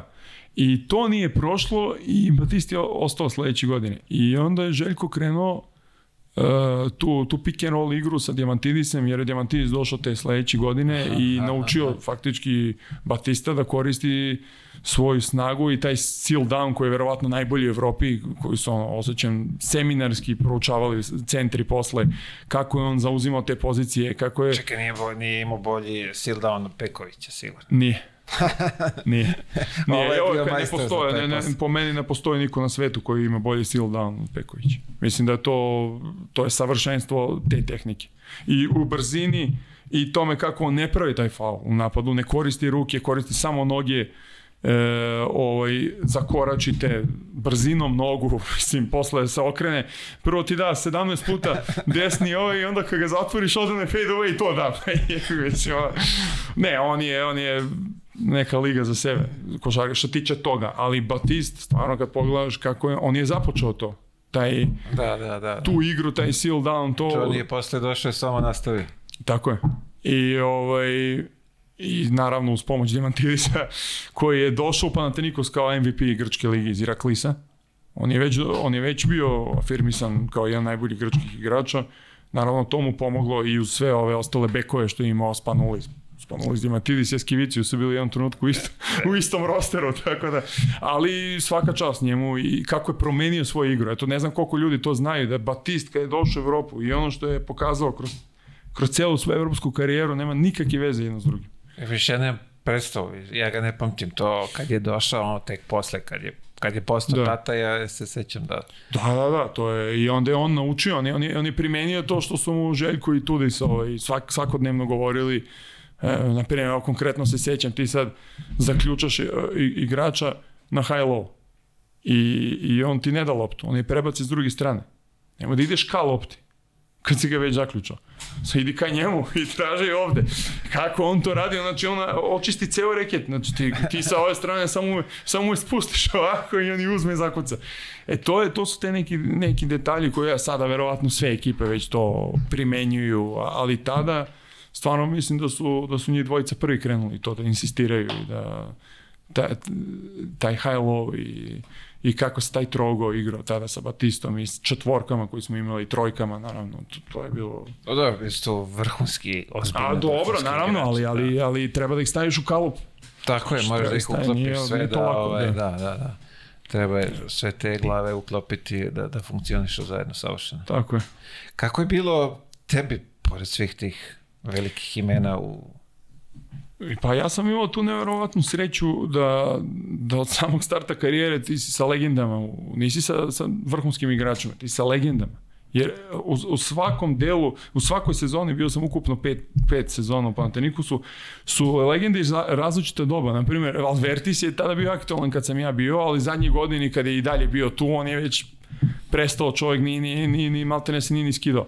Tada je bio on posle, na primjer, ti dođe Eskivicius, pa bude Šiškauskas, pa bude, ne znam... Da, je Šiška bio dobro. Focis na četiri, pa u najboljim njegovim godinama, pa ne znam, pa koga da nabrajam, Pekovića na, na centru. Zamisli centarska linija, Peković, e, ovaj, e, Batist i Tomašević.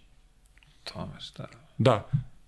Doduše, oni, oni ovaj, kako se zove, oni nisu, ne. E, Tomašević je bio druge sezone, ali to su, to su centri koji su prolazili kroz, kroz ovaj Femerling, Tomašević, Eh, Batist, Beković, eh, Čak i Šermanini se pojavio u nekom trenutku tu.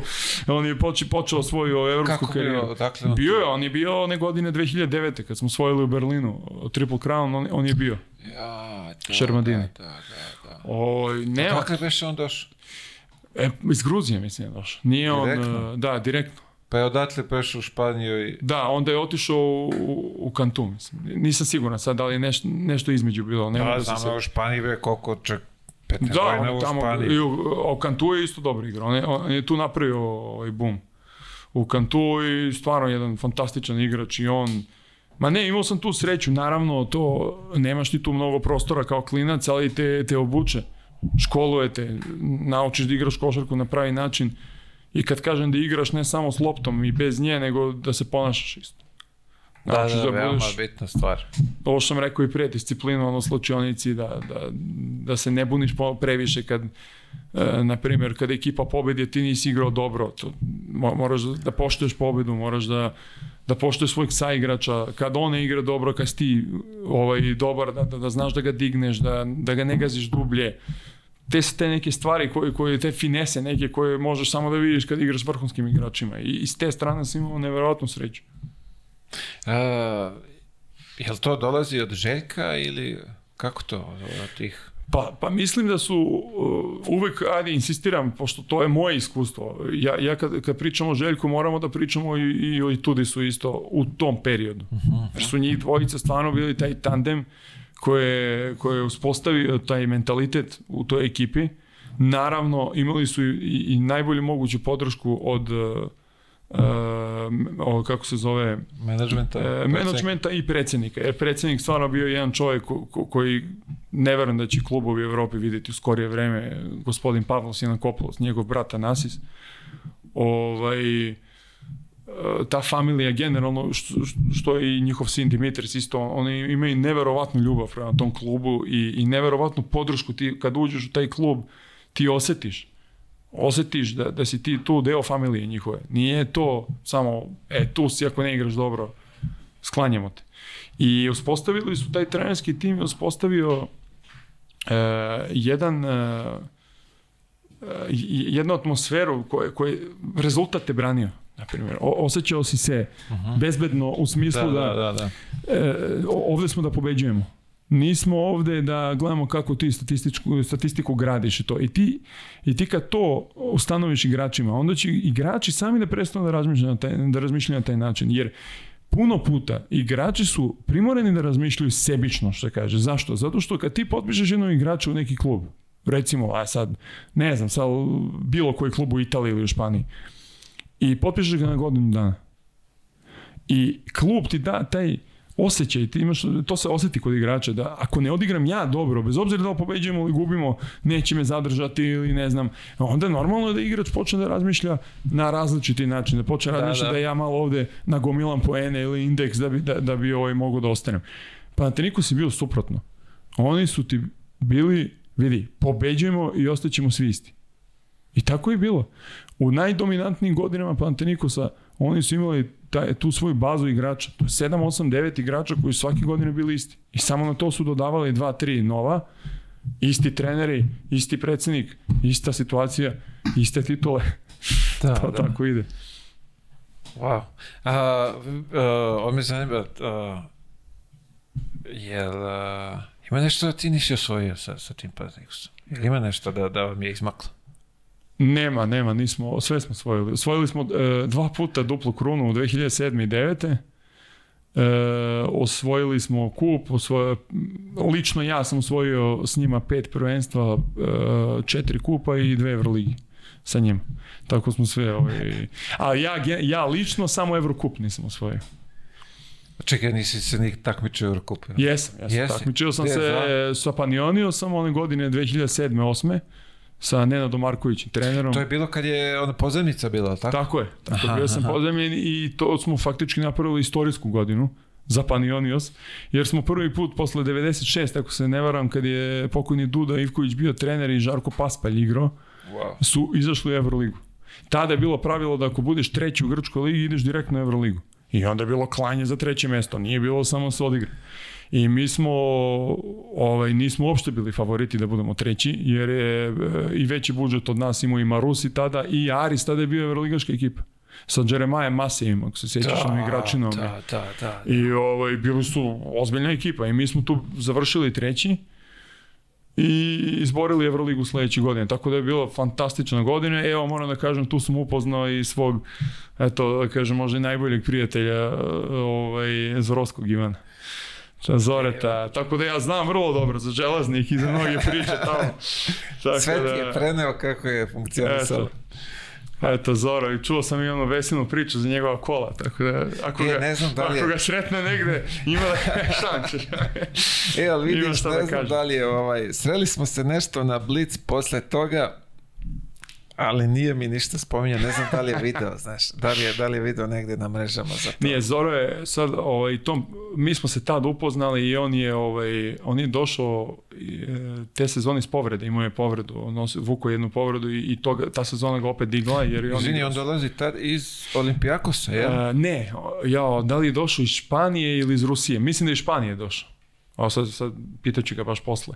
To, to mešam, on je bio u Valjadolidu, mislim, bio je u Rusiji pa je bio u Španiji i tu, tu se oba puta povredio i tu je malo, to je sve bilo posle Olimpijakos, on je, on je Olimpijakos odšao posle FNP. Tako je, tako je, zato pitam da li je... Uh... Nije, nije bilo odmah. Aha, E, bilo su tu između te dve sezone da je on vuko te povrede i onda je malo, malo pao bio i ta sezona ga digla zajedno sa mnom, igrali smo super i ja i baš smo imali ono, odličnu sezonu i Nenad nam tu mnogo pomogao, Marković.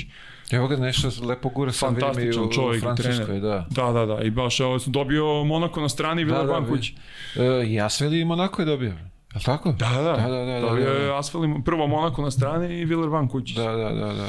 Ovaj, gura fantastično i, i Zoro, mu je menadžer. On mu našao ovaj klub, tako da eto vidiš kako to o, ovaj, i kako to ide i, i baš mi drago nekako jer, jer mi smo nas, nastavili naravno se družimo od tada i jako mi je drago kako ide i napreduje karijera njegova u menadžerskim vodama. Mnogim igračima je pomogao, e, mnogima je pomogao da napreduju i to rigorozno napreduju svojim karijerama i, i mislim da on preti da bude jedan od, od e, boljih menadžera u Evropi. Pa vidi, video sam da ima neka zanimljiva imena. Vidim da je non stop na putu. Dečko ne zna više gde se nalazi od, od putovanja. Ovaj, Posvećen je mnogo. Pa, opet ono dolazimo od toga, ako nisi posvećen ne možeš da radiš ništa kvalitetno. A za, zašto, evo, e, moram to da kažem, e, to, to je po meni njegov model rada i je ono što svako ko ima aspiraciju da bude menadžer mora, mora da ovaj, mora da uzme u obzir. On, e, kad kažemo da je posvećen, Eh, ti danas možeš sve da radiš preko telefona i preko Zooma i, i tako šta. Opet se vraćamo na, na to da drugačije je kad jedan igrač koji si ga poslao, ne znam, u Nemačku ili, ili negde, ne pričamo sad o igračima već afirmisanim. Pričamo o mladim igračima koji hoće da naprave taj sledeći korak u svojim karijerama. Mnogo im znači kad im menadžer dođe i, i poseti ih. Mnogo im to znači. Nije to o, samo tako da bi bilo. Znači, da, da neko je tu da, za mene. Da. Možemo mi sve to telefonom, sve, sve je okej, okay, ali drugačije. I, pokažemo poštovanje, da, da tako da je, pokažemo da, da podršku. Da, šta god, da. Ljudi ne bi verovali koliko malo fali po neki put igračima. To, to nešto što možda smatraš kao neverovatno banalno, ali je, ali je suština da samo vidiš da imaš neku podršku negde. Da, i, I drugo što isto Zoro po meni, da je njegova velika prednost je što on jako dobro razume košarku. On, on stvarno mnogo dobro razume košarku i on je igrao košarku, na visokom nivou igrao i on može tim igračima da podeli savete i, i košarkaški. Šta pa dobro da igra i tu poziciju da, da si mora da razumeš Tako košarku. Je. Da bi pa Evo, igra, da. Samo da neko uzme Paris Lijevu karijeru otkad ga preozo uh, Ivan do dana današnjeg. Ili, ko? Paris Lee koji igrao u Panatonikusu. E, viš, nemam. Ili, ili, na primjer, Dejan Kravić. Bra. Gde je bio e, Dejan kad ga uzo ovaj Ivan i, i, šta je napravio što naravno i naravno je zasluga i naravno, igrača da, da, da, naravno, naravno ali ali ovaj ja sam bio tu i gledao koliko on podržavao te igrače i kako ovaj kako se brinuo oko njih i putovao i gledao i trudio se i, i svaka čast stvarno. Baš, baš ja, ja, ja, evo da sam igrač volao da imam takvog menadžera. Vidi, da se da ćemo imati prilike i ovde da porazgovaramo, da čujemo iz, iz njegovog ugla kako to izgleda pa to. sve, tako da ovaj, u nekom narednom periodu. Nešto smo dogovarali, ali ni kažete pa putuje, pa, pa ne možeš da ga, na, da, da, da ga nahvataš, da, on je ovaj, sad je, sad je baš. na putu, da. na putu je, sad je krenula sezona, tako da, ali dobro, ima, ima vremena. Ne planiramo ovo da traje do nove godine, planiram da to bude duže, tako da... Tako I biće, prilike, i biće, i biće prilika i... Uh, jedna zanimljiva stvar me zanima sad, pored svih tih legendi koji, si, koji su bile pored tebe, uh, obično mi kad gledamo te ljude, mi se ono oduševimo njima. Znaš, oni su vrhunski u tom što rade, to sve izgleda uh, savršena. Je uh, se desilo nekad kad si neko upoznao lično da se razočarao? E, ja uvek kažem, ja lično, uvek pravim e, separaciju između e, njihovih košarkaških sposobnosti i, i kao osobe. Košarkaški, od svih, od, od onih legenda, da kažem, onih imena koji sam ja imao tu, tu čast da igram sa njima, košarkaški gotovo ni od kog. Jer stvarno, E, možda, niko, e, možda nisu tada baš napravili tu neku sezonu koja je najbolja u njihovim karijerama, ali ti kad vidiš, kad se svaki dan sa njima i vidiš njihove, kako oni, kakav oni odnos imaju prema košarci taj, te male rutine što oni sami sebi stvaraju da bi, da bi održali kontinuitet. Jer ja uvek kažem, po meni je najbitnije u košarci imati kontinuitet. Šta mene briga ako ti bljesneš jednu utakmicu i daš 100 poena, ako ćeš narednih pet da, da budeš loža ekipu. Mislim, kontinuitet da, da. Je, je najbitnije za rezultat, a rezultat je suština svega. Ovaj, tako s te strane, osobno naravno jesam, naravno, ali ne bi sada imenujem. Naravno, ne, ne, ne, ne mislim ime, nego me zanima. Ali naravno, pa dobro, to je normalno. Imena bilo kao što tu, se verovatno, da. da, neko i od mene i znaš, to već, to su osobne stvari koje nemaju nikakve veze s košarkom da, da, da, i ja da. nikad ne pravim to, tu ovaj, relaciju između, može po meni neko da je bio neverovatan igrač, ali kao čovjek Da, nula, da, da, znaš, jasno, da, jasno, jasno. Po, pa vidi, pitam te zbog toga zašto si bio u tim ekipama gde su stvarno bili vrhunski majstori košarke u, u tim svojim najboljim godinama, kako god na, nazvali, zato, je zanima, zato me zanima pošto obično ono stvorimo sliku mi nekog kako bi rekli, idolo poklonstva, znaš, da, da. to sve je savršeno, a pa nije, ne, ne mora da... Naravno da nije. Naravno. Da, ne mora da znači. Uh, tvoje očekivanje ti od ulaska sad u prvi tim među sve te igrače, šta si ti u tom momentu, šta ti očekuješ zapravo? E, pa, pa pazi, ja sam uvijek gledao, znaš, to, to je ono e, što, što, što kažu Grci, to imaju Ovaj, što više jede, što ti više rasta apetit, znaš. I, I, generalno tako u karijeri, kad si mali, hoćeš da uđeš u 12. Kad uđeš u 12, e sad kad bi mogao malo da igram. Kad igraš malo, e sad kad bi mogao malo više, znaš. I tako je nekako i bilo, što je normalno.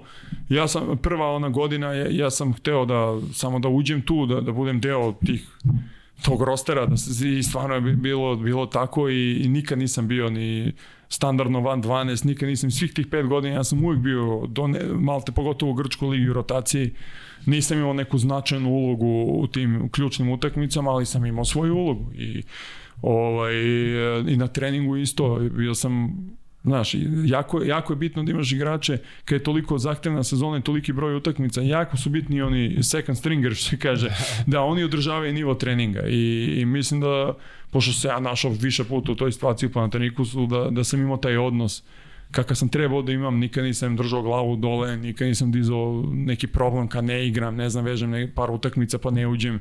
Bio sam svestan zašto. I pokušavao sam da učim, da izločim što više mogu iz, eh, od tih igrača, od tih trenera, jer, jer sam bio svestan i tada da, da su to treneri kakih kad ako ne budeš više bio s njima, nećeš eh, u budućnosti najverovatnije imati taj nivo. I, i ovaj, S te strane, da, ok, naravno, jesu bili periodi kad sam bio razočaran, kad sam smatrao da mogu više da igram, jesu, naravno, ali nikad to nije bilo do nekog nivoa da, da ja sad, ne znam, ono, kao dolazim kući i ne znam, mene neko sad, ovaj, ne, ne odnosi se kako treba prema da, meni. Da, nije, da, nije da. bilo to. Nije. A, kako je igrati pored tih velikih igrača? Pa jedna... Uh, Pa da ti kažem, rekao bi neko, znaš, kao wow, svaki dan. E, puno puta je jako, ovaj, na, na što je interesantno kad igraš protiv tih igrača, koliko puta se iste stvari događaju. A to, to, to je i, i, i najveći testament njihove veličine. Svaki put je isto. Jer su oni majstori u tome što rade i oni neće da izlaze iz, znaš, i, i faktički na treningu i, i, ovaj, i na utakmicama ti tačno, kad, tačno znaš šta očekuješ od njih, oni znaju šta očekuje tebi ono puno, neću kažem dosadno puno puta, znaš, a, nije naravno dosadno. Ček, ti ali... znaš šta će da uradi i ne možeš da ga odbraniš. Pa ne može, pa kako, pa kad imaju tri opcije u svakom trenutku. Mislim, i, i takav mu i sistem kolektivni bio tada da ti, na primjer, evo sad Focis ulazi koji ima 45% za tri, i kao sad ti razmišljaš, aj sad ti treba da čuvaš njega kao i nećeš ga pustiti da šutne, kako? Kad vamo seva pik i ti treba da pomogneš, a istovremeno slepi blok tebi u leđa, ovaj drugi ako ti ne pomogne, ode, ako ti pomogne ode u čošku, neko će bude sam. Znači kad je kolektiva takva, na nivou igrača koji, koji igraju, onda je to nepobediv tim. I, I tako je bilo, naravno, uz oscilacije, naravno i ti timovi su imali loše trenutke i to, ali... Uh, i te kako su oni osetili kad taj loš trenutak dođe. bilo je. Da, bilo je, ja sam evo video, eh, bio sam svedok legendi živih koji, koji kad uđem onaj, onaj meeting room, Željko ima to, znaš, e, ima taj tik, valjda ne znam šta je, on voli da zvotka ključevima, znaš. I kad ga čuješ, on je uvijek sedeo iza, a Dimitris nap, napred i tudis, da je ekran. I kad, iz, kad se izgubi, kad ideš, se, konkretno se sjećam, jednom sam izgubio od Paneliniosa, ba, baš loše. O, i, e, Jurica Golemac ima neku fantastičnu partiju igrao tada. I, i taj, tog treninga se konkretno sjećam. Uh, bio je video, on nam rekao, da li nam sad rekao 5 sati, ne znam. I mislim da sigurno namerno pustio da odog 15 do 6 da, da nas ovo da uđemo u sastanak. Naverno, znaš, da, da se digne na tenzija. Čekaj, vi ste od 5 sati čekali do, do 15 Od 5 do 5, 45 minuta ti si na polju, ja sad vidim da, da svako u svojoj glavi mota sve, sve, šta je zajebano na toj utakmici, kao jao, samo, samo da ne zastane tamo da sam pogrešio onaj pasi. A vidiš ljude koji su ono, legende da tako razmišljaju. I to je stvarno, to je ta snaga u, u, u, tome koliko on ima taj prirodni autoritet, znaš, čak i na tim igračima. Wow. I, ovaj, I uđem unutra, sećam se, i, znaš, ti sa njega ne vidiš pozadi. I, i samo ču, čuješ one ključe kako zvocke. I e, sad znaš, ako si igrao, ovaj, znaš da stiže tvoj trenutak, ovaj, da si zajebao nešto i, i ono, ne znam, sad da neka trojka da se treba dobaciš, znaš. I sad moliš Boga da ne kaže stop. Naravno, uvek kaže stop. I krene ono ključe i pa to je bukvalno da, da se otvori ovako zemlja i da, da, da propadneš ako možeš jedno. Toga se sjećam, eto, tri sata je bio taj video, možda i jače, pa, pa onda tri sata trening, pa sat vremena smo čekali, to je ukupno bilo nekih sedam sati. Tog wow. treninga da se sjećam. Wow. Da. A to je inače e, sezona kad smo osvojili Triple Crown. A viš, da nije 2009. bilo toga verovatno... Pa, ovaj... Pa, to su te neke, mhm. znaš, to, to mora tako. Mislim, kad Vidi, imaš toliki da broj... Da da, da je on svestan šta, šta radi i zbog čega, tako da... Pa I nije, to čekanje da. samo tih 45 minuta da, da malo se Sve ima ovaj, svoje. To zatresu je, se gaće svima njima. Mora tako. Mo, mora po neki, je mora zato što su ti igrači baš zato što jesu takvi kakvi su, toliko veliki i toliko e, značajne karijere imali. Te ti moraš to sve da staviš u kalop i to nije lako. To je ekstremno teško. Znači ti sad imaš aj 13 miliona i 40 miliona budžet. Uzmeš koga god hoćeš. O, ko ti garantuje opet da će osvojiš? Moraš, moraš, da, moraš da nađeš te, te ličnosti, kako da ti njih sad staviš, da oni funkcionišu zajedno da, u kolektivi. To a je, tu je, e, kod njih je, mislim, malo ego više i izraženije. pa, pa ne bi bili to što jesu da nije. Treba tu uklopiti sve u jednu Pa celinu. evo, slušao si malo, verovatno ovaj intervju Kristijana Ronaldo pre neki dan. Znaš, što, što u stvari kad uzmeš i analiziraš njegov problem, on ima problem kakvi su milioni igrača pre njega imali. Ne poštuje me trener, ok, ili, ili smatram da me ne poštuje. Ali ajde sad ti objasni Cristiano Ronaldo da on nije... Da nije do da trenera. Da nije bogom dan i da nije ne znam ono kako. A pa verovatno i mi svi tako razmišljali da se na njegovoj poziciji. Tako da je to sve logično. Znači sve je to mora, mora sagledati stvari sa, sa pozicije tog čoveka. Znači ti kad napraviš takvu karijeru kako si napravio, ne možeš ti posle da se pitaš a što je ovaj što ovaj ima ovoliko mišljenja sve, pa kako da nema. da, da. Kad pa je... Pa mislim da, da nema, verovatno ne bi ni došao do, do, te, tako do tih je. visina, do, do svih tih rezultata. Tako da. Ta sueta, da kažem, ajde košarkaška sueta, ona pomaže mnogo košarkašu. Ne znam, ne znam koliko u trenerskim vodama pomaže toliko. Znaš, to je, to je ta druga priča koja koje mnogo, vidiš puno puta veliki igrači postaju treneri i onda mora, mora da nauče da saniraju tu svoju ponos koju imaju i da, jer su oni odgovorni za kolektivu. I to je jako bitno. I zato na primjer gledamo Šarasa ka, koju karijeru ima trenersku. A on ima ogroman ego, košarkaški ego i i personality, taj njegov, ta njegova ličnost je ogromna. Znači, zamisli koliko on treba da radio i verovatno i radi dalje na tome da, da, bude, da, da reaguje mirno kad vidi nešto što mu se, ali puno puta vidiš da mu ne ide. ne ide znaš. ali ne eto, uopšte. eto, on je dalje mlad trener i, i šta, nema ni, ni, ni, ni sedam godina od koliko trenera. Šta? Ne, ne, ne. Pa tako? Pa šta je on, krenuo kao pomoćni trener u Žalgirisu, Kao možda, pomoćni? ma i manje ima. Da, on je bio pomoćni trener u Žalgirisu, tako je krenuo. I onda je preuzeo tim eh, do dovek do Final Four 18. Pa tako, mislim, njegova karijera ne treba više 6-7 godina, trenerski. Tako je to... Pa vidi, ja kad sam bio u Litvaniji, to je bilo, mislim, 14. on je vodio ekipu. 14. već? Da. Pa to je to, 7 godina. Sam, da. 7 godina, tako nešto. Moguće da. Da, kad pogledaš 7 godina. Neverovatno. A, u stvari... Neverovatno. Ja koji juče sam bio sa igrač njim, 2009. Baš ono... Pusti, nemoj o tome. Uhotit ću nas depresija. e, ovo me, za, ovo me izuzetno me zanima. Uh, aj e, sad skoncentrišemo se samo za napad. Koliko je lako igrati napad sa takvim igračima? E, pa pazi, ovaj... Uh, kad si skoncentrisan i kad, kad imaš, pošto uvijek ima taj kolektivni plan, znaš, meni na primjer je bilo uvek mnogo lako. Meni uvek, kad ulazim u igru, meni je uvijek bilo glava, iako nisam bio ono poznat kao odbremeni igrač, ali meni je samo glava bilo odbrani. Da tamo nešto ne zajebem. Jer ovde znam da će mi dođe ta situacija, jer je to... Dobro, u većini slučaja, ajde, Grčka liga je to igramo protiv ekipa koju ćemo da dobijemo lako i onda to bude još lakše, ali ovaj, lako je zato što imaš takih igrača koji ako ostaneš sam nema šanse da ti ne da ako, ako, nisi, ako si u pravom tajmingu u kretnji uvijek će ti dođe lopta ako napraviš pik koji treba da napraviš uvijek će taj pik kome si napravio da se nagradi e, tako će ti lepo se osjetiš ovaj, spacing je uvijek tu E, ako si ti u čošku, ovaj nije pored tebe nego na 45, stavim s te strane lakše, znaš, s te strane je, je ovaj bilo baš uživanje igrati s takvim igračima. A kapiram da ono, svi više se skoncentrišu na njih kao velike zvezde pa, nego na pa tebe, ja, tako da si ti... O, pa ja sam uvijek imao, meni je bio problem, ja malo se zagrejem jer znam da će mi dođe šot, što mi posle bilo problem u karijeri jer ono, scouting je na tebi pa treba da nađeš način da se otvoriš, pa na treningu se bilo suprotno. Ne, samo da ne budem previše samo, znači, jer ako promašiš, onda se izblamiraš. je da, već ima i taj moment. Da no, dobro, beži. Pa to, kad ti Peković i, i, i Carcarist naprave pik, možda popiješ ovaj, ovu šolju, e, kaficu i onda šutneš.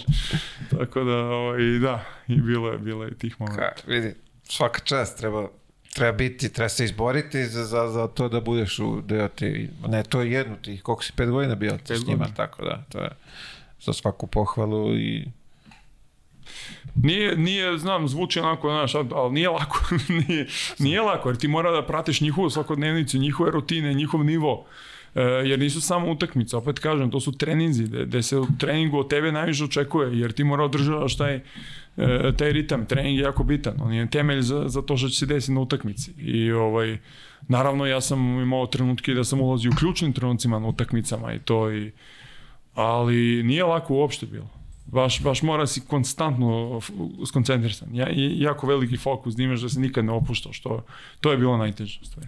Jel e, Željko ima neku tehniku za to kako, kako da budete u fokusu, kako on Pa znaš šta, mislim da, da ne, ne bi sad ja znao da on ima neku svoju ličnu tehniku koju mu pomaže da, da zadržava taj, da održava to što on ima u glavi, ali generalno uh, ja mislim da, da treneri, uspešni treneri uvek treniraju, njihov trenerski stil je u skladu njihovog karaktera. Ono što oni izbijaju prirodno.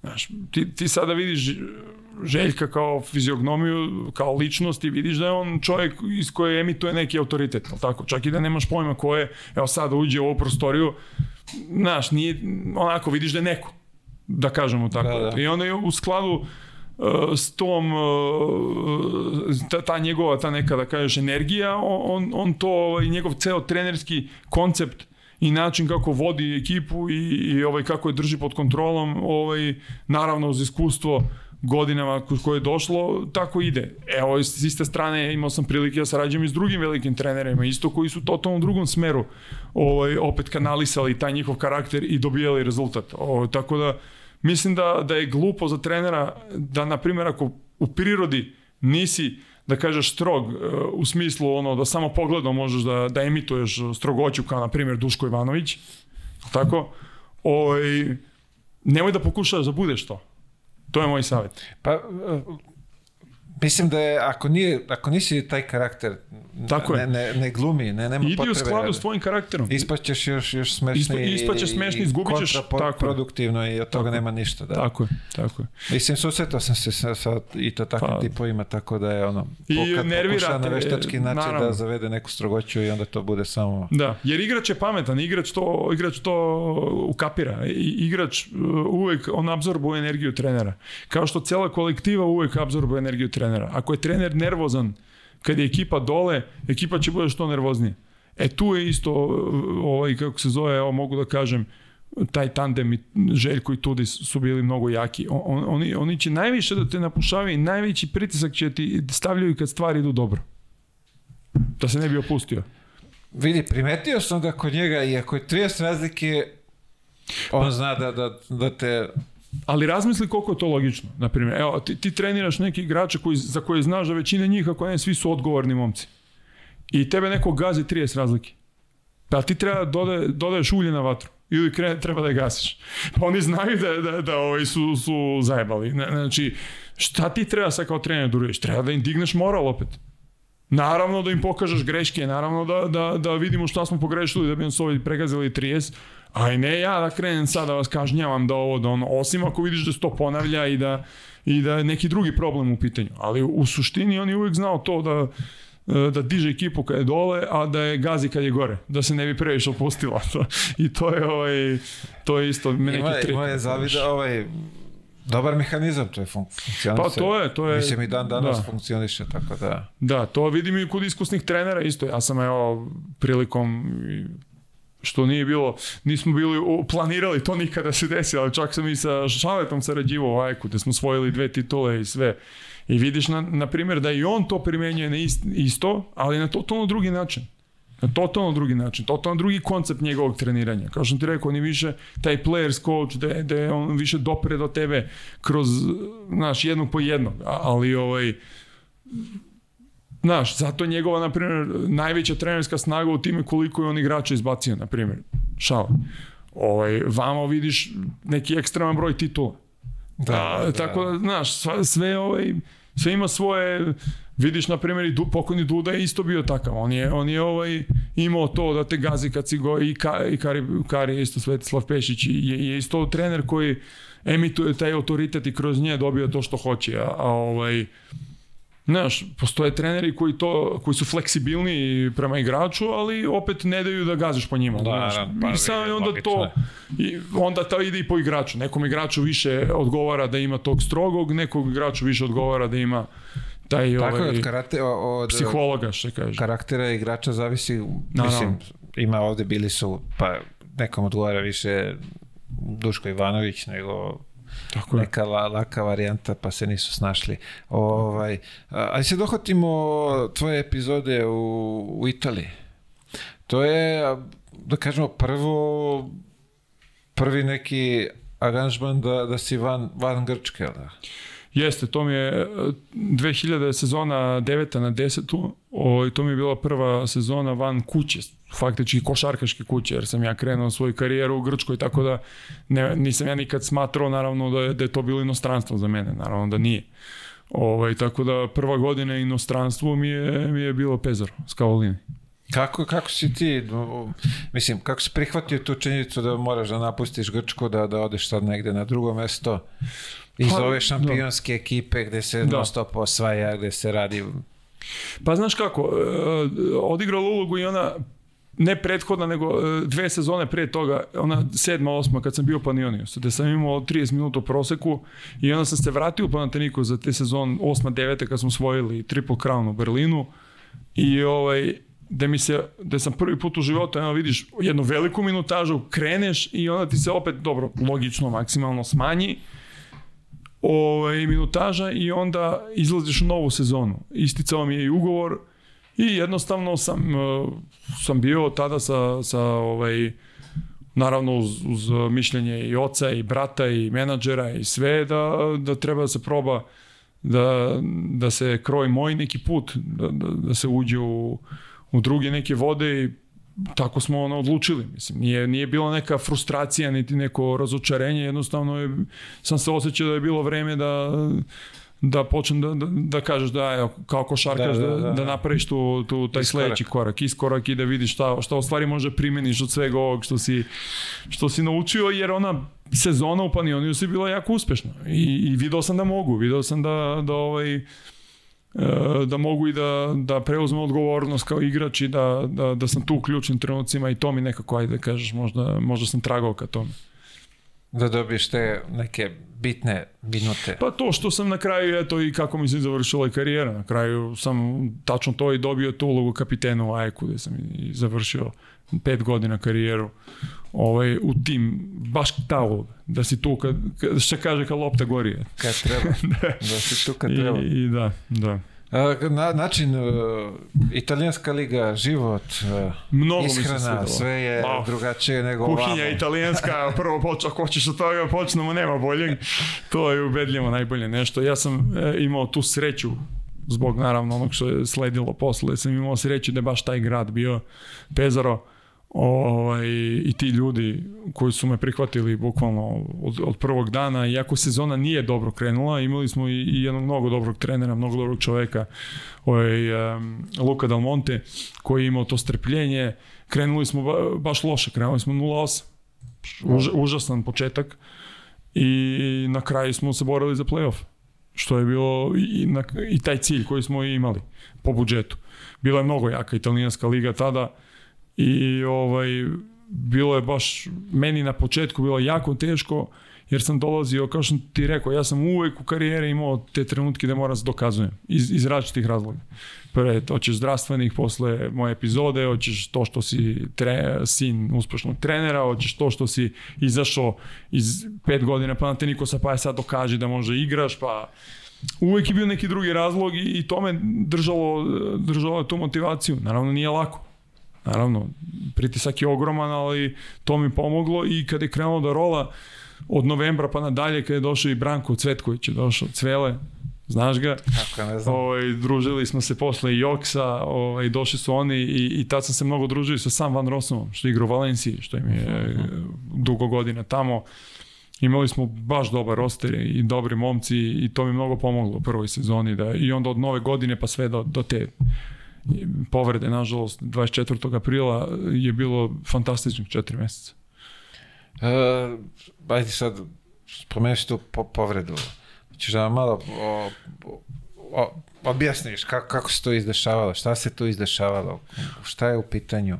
Pa da, mislim, malo kad pričamo ne, neko uzo vreme, ja sam uvek zahvalan kad se neko zainterese za mene ovaj, pa i za moju karijeru i eto, još jednom hvala. Ovaj, ne možeš da izostaviš tu priču jer je deo mene, znaš, deo je mene i moje porodice i mislim da mi iz korena označilo i karijeru, a i život. To, to je jednostavno jedna povreda koja mislim da nema prethodni primer ni posle toga, de faktički od jednog udarca laktom, blagog, je da, da sam ja i nastavio da igram još 9 minuta, iako sam bio pod bolovima. E, jer... E, izvini samo, ti u tom momentu osetio išta da Jesam, da se da, osjetio da sam bol. Ostao sam bol, veliki bol, ali mislio sam isterao vazduh, kao što si ti i mi sto da, puta da, da. primili ono, da ti neko udari u dijafragmu ili ne znam nija šta, pa, pa te boli, ono.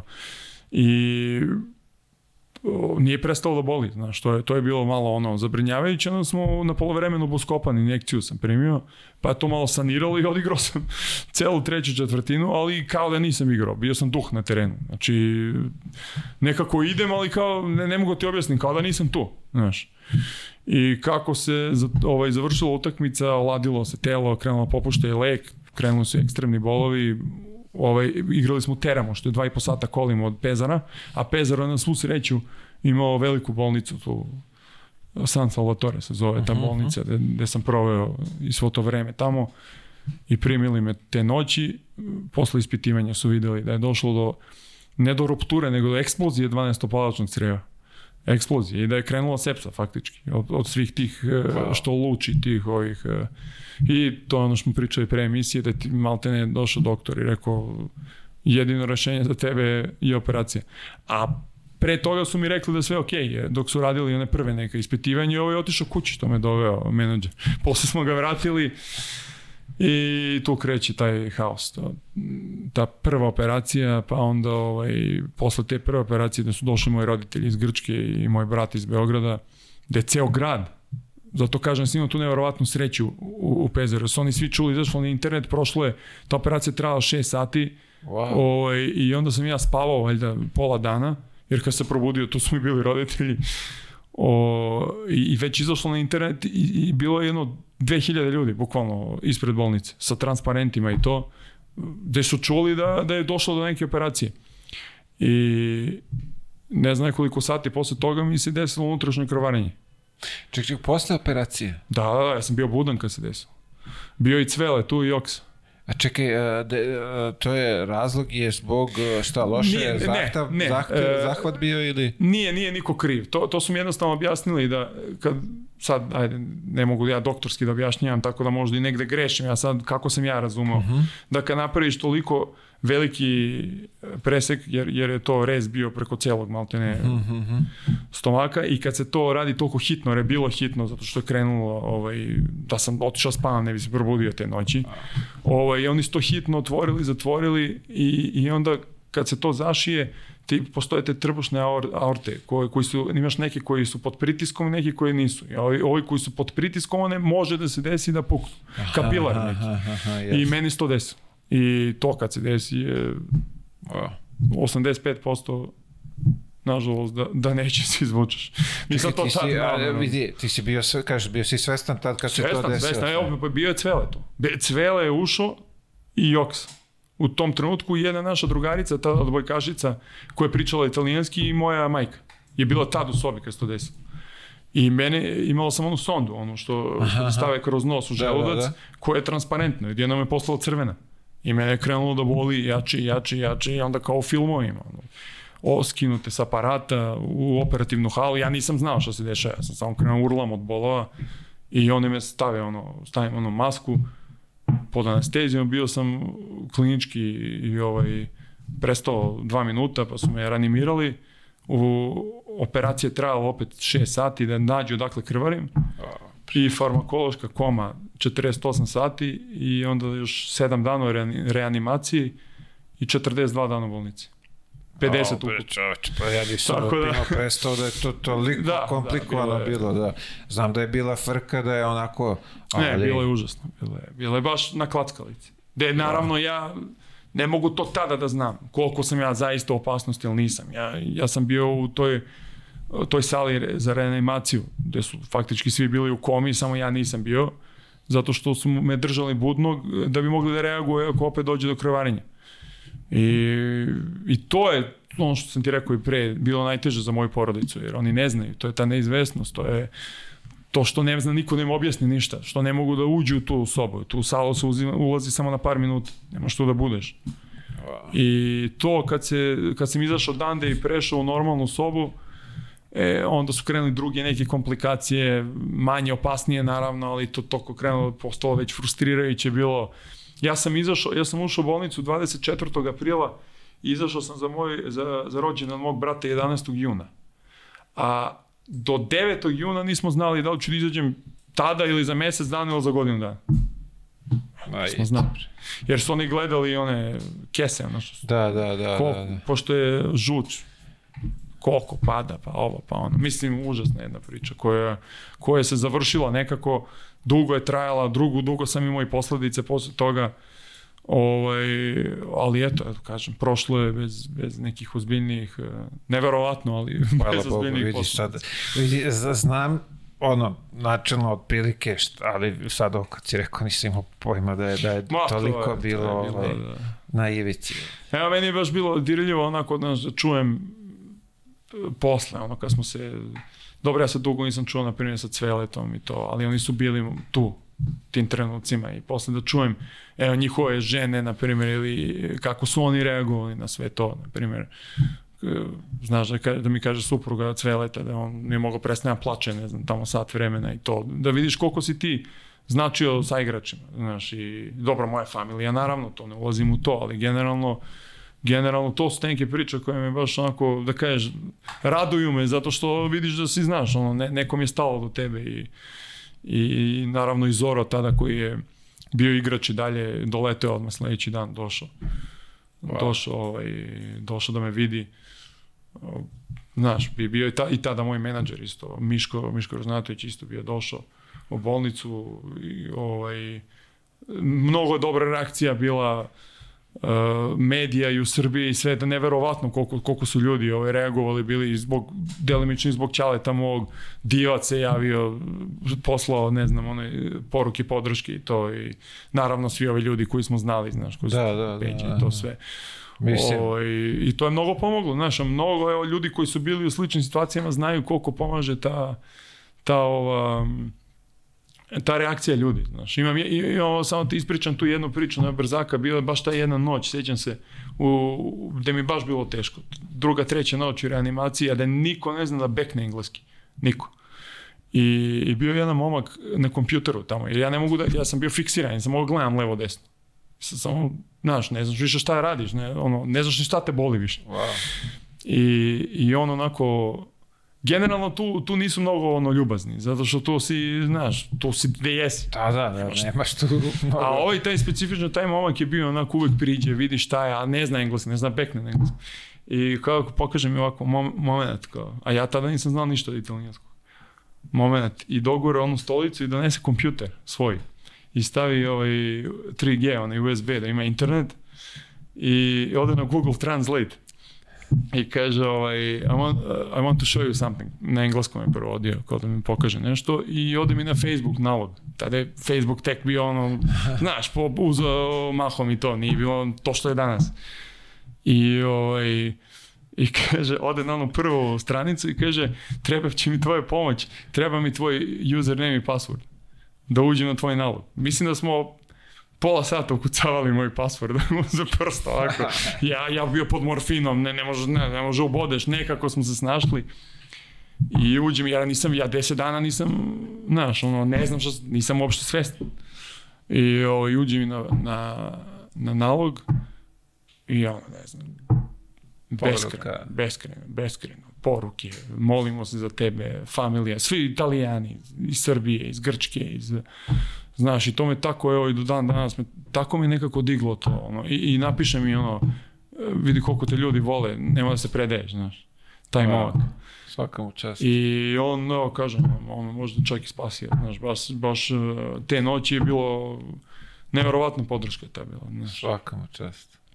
Imaš ljudi koji, i doktori neki posle, baš onako, kad te, kad te kažem, ljudi koji su bili u sličnoj situaciji znaju, kad, kad neko, humano ono, priđe prema tebi, na, na, znači na, na, na neki način koji nema veze, ono, samo, samo da dođe, samo da je tu, znaš, da ti da neku podršku. Nikad ne znaš koliko može znači, da, da nikad, da, da. znaš, ono, može bude ključ, bukvalno. Pogotovo u tim momentima kad je... Jest, jest. Psiha je neverovatna stvar, znaš, to je, to je najveći saveznik u tim trenucima. Znaš, i to vuče telo.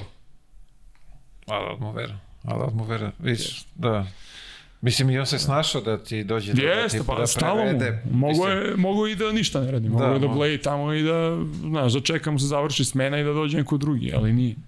Znaš, to je, to je ovaj, ne kažem ja sad da, da li bi bilo šta bi bilo da je bilo ne znam, ali kažem da to mi je baš onako lepa neka priča i eto taj čovjek gde god daje pozdravljam ga. Svakom čast, svakom čast. Uh, posle toga ti, šta, ono, šta se kući, oporavak, kako? Posle toga ide jedan mnogo, mnogo, jedan mnogo čudan period u mom životu gde izlaziš iz bolnice i kažu ti živi život, Izvoli, imaš jedan rez koji je ogroman, ovaj, koji će da prerasta u herniju, što je bilo i normalno, zato što trebušni zid se odvojio. I onda je normalno bilo da vremenom kako kreneš, da sam mnogo velik, ogroman, ogromnu kilažu izgubio, sve rezerve i sve. Mm Ovaj, I onda kako kreneš opet da unosiš tečnost i to sve, da, da će kreneš da se gojiš, da će to da kreneš da se širi i da, da, da ta kila ovaj raste. Da, da, to da. se naravno i desilo. I ja sam samo jednostavno, kako, kakva košarka, kakva... Nije bila na... Ma jo, ma Čekaj, ste rekli, uopšte. zaboravili. Za, ne, da nisu, nisu, nisu. Rekli su samo da živi pa ćemo da vidimo šta će da bude. Da, E, da. niko nije mogu da, jer to ti kažem, čudno je bilo jer nemaš čime da uporediš. Nije, nije to neka situacija koja se desila nekom pre, pa kao je... Da, nije sportska klasična svi su, povreda, pa... Da. Evo, ja ti kažem, na, najgoru, najgoru re, e, frazu koju sam mogao da čujem tih e, u tom periodu, a slušao sam je non stop, je reč ne znam.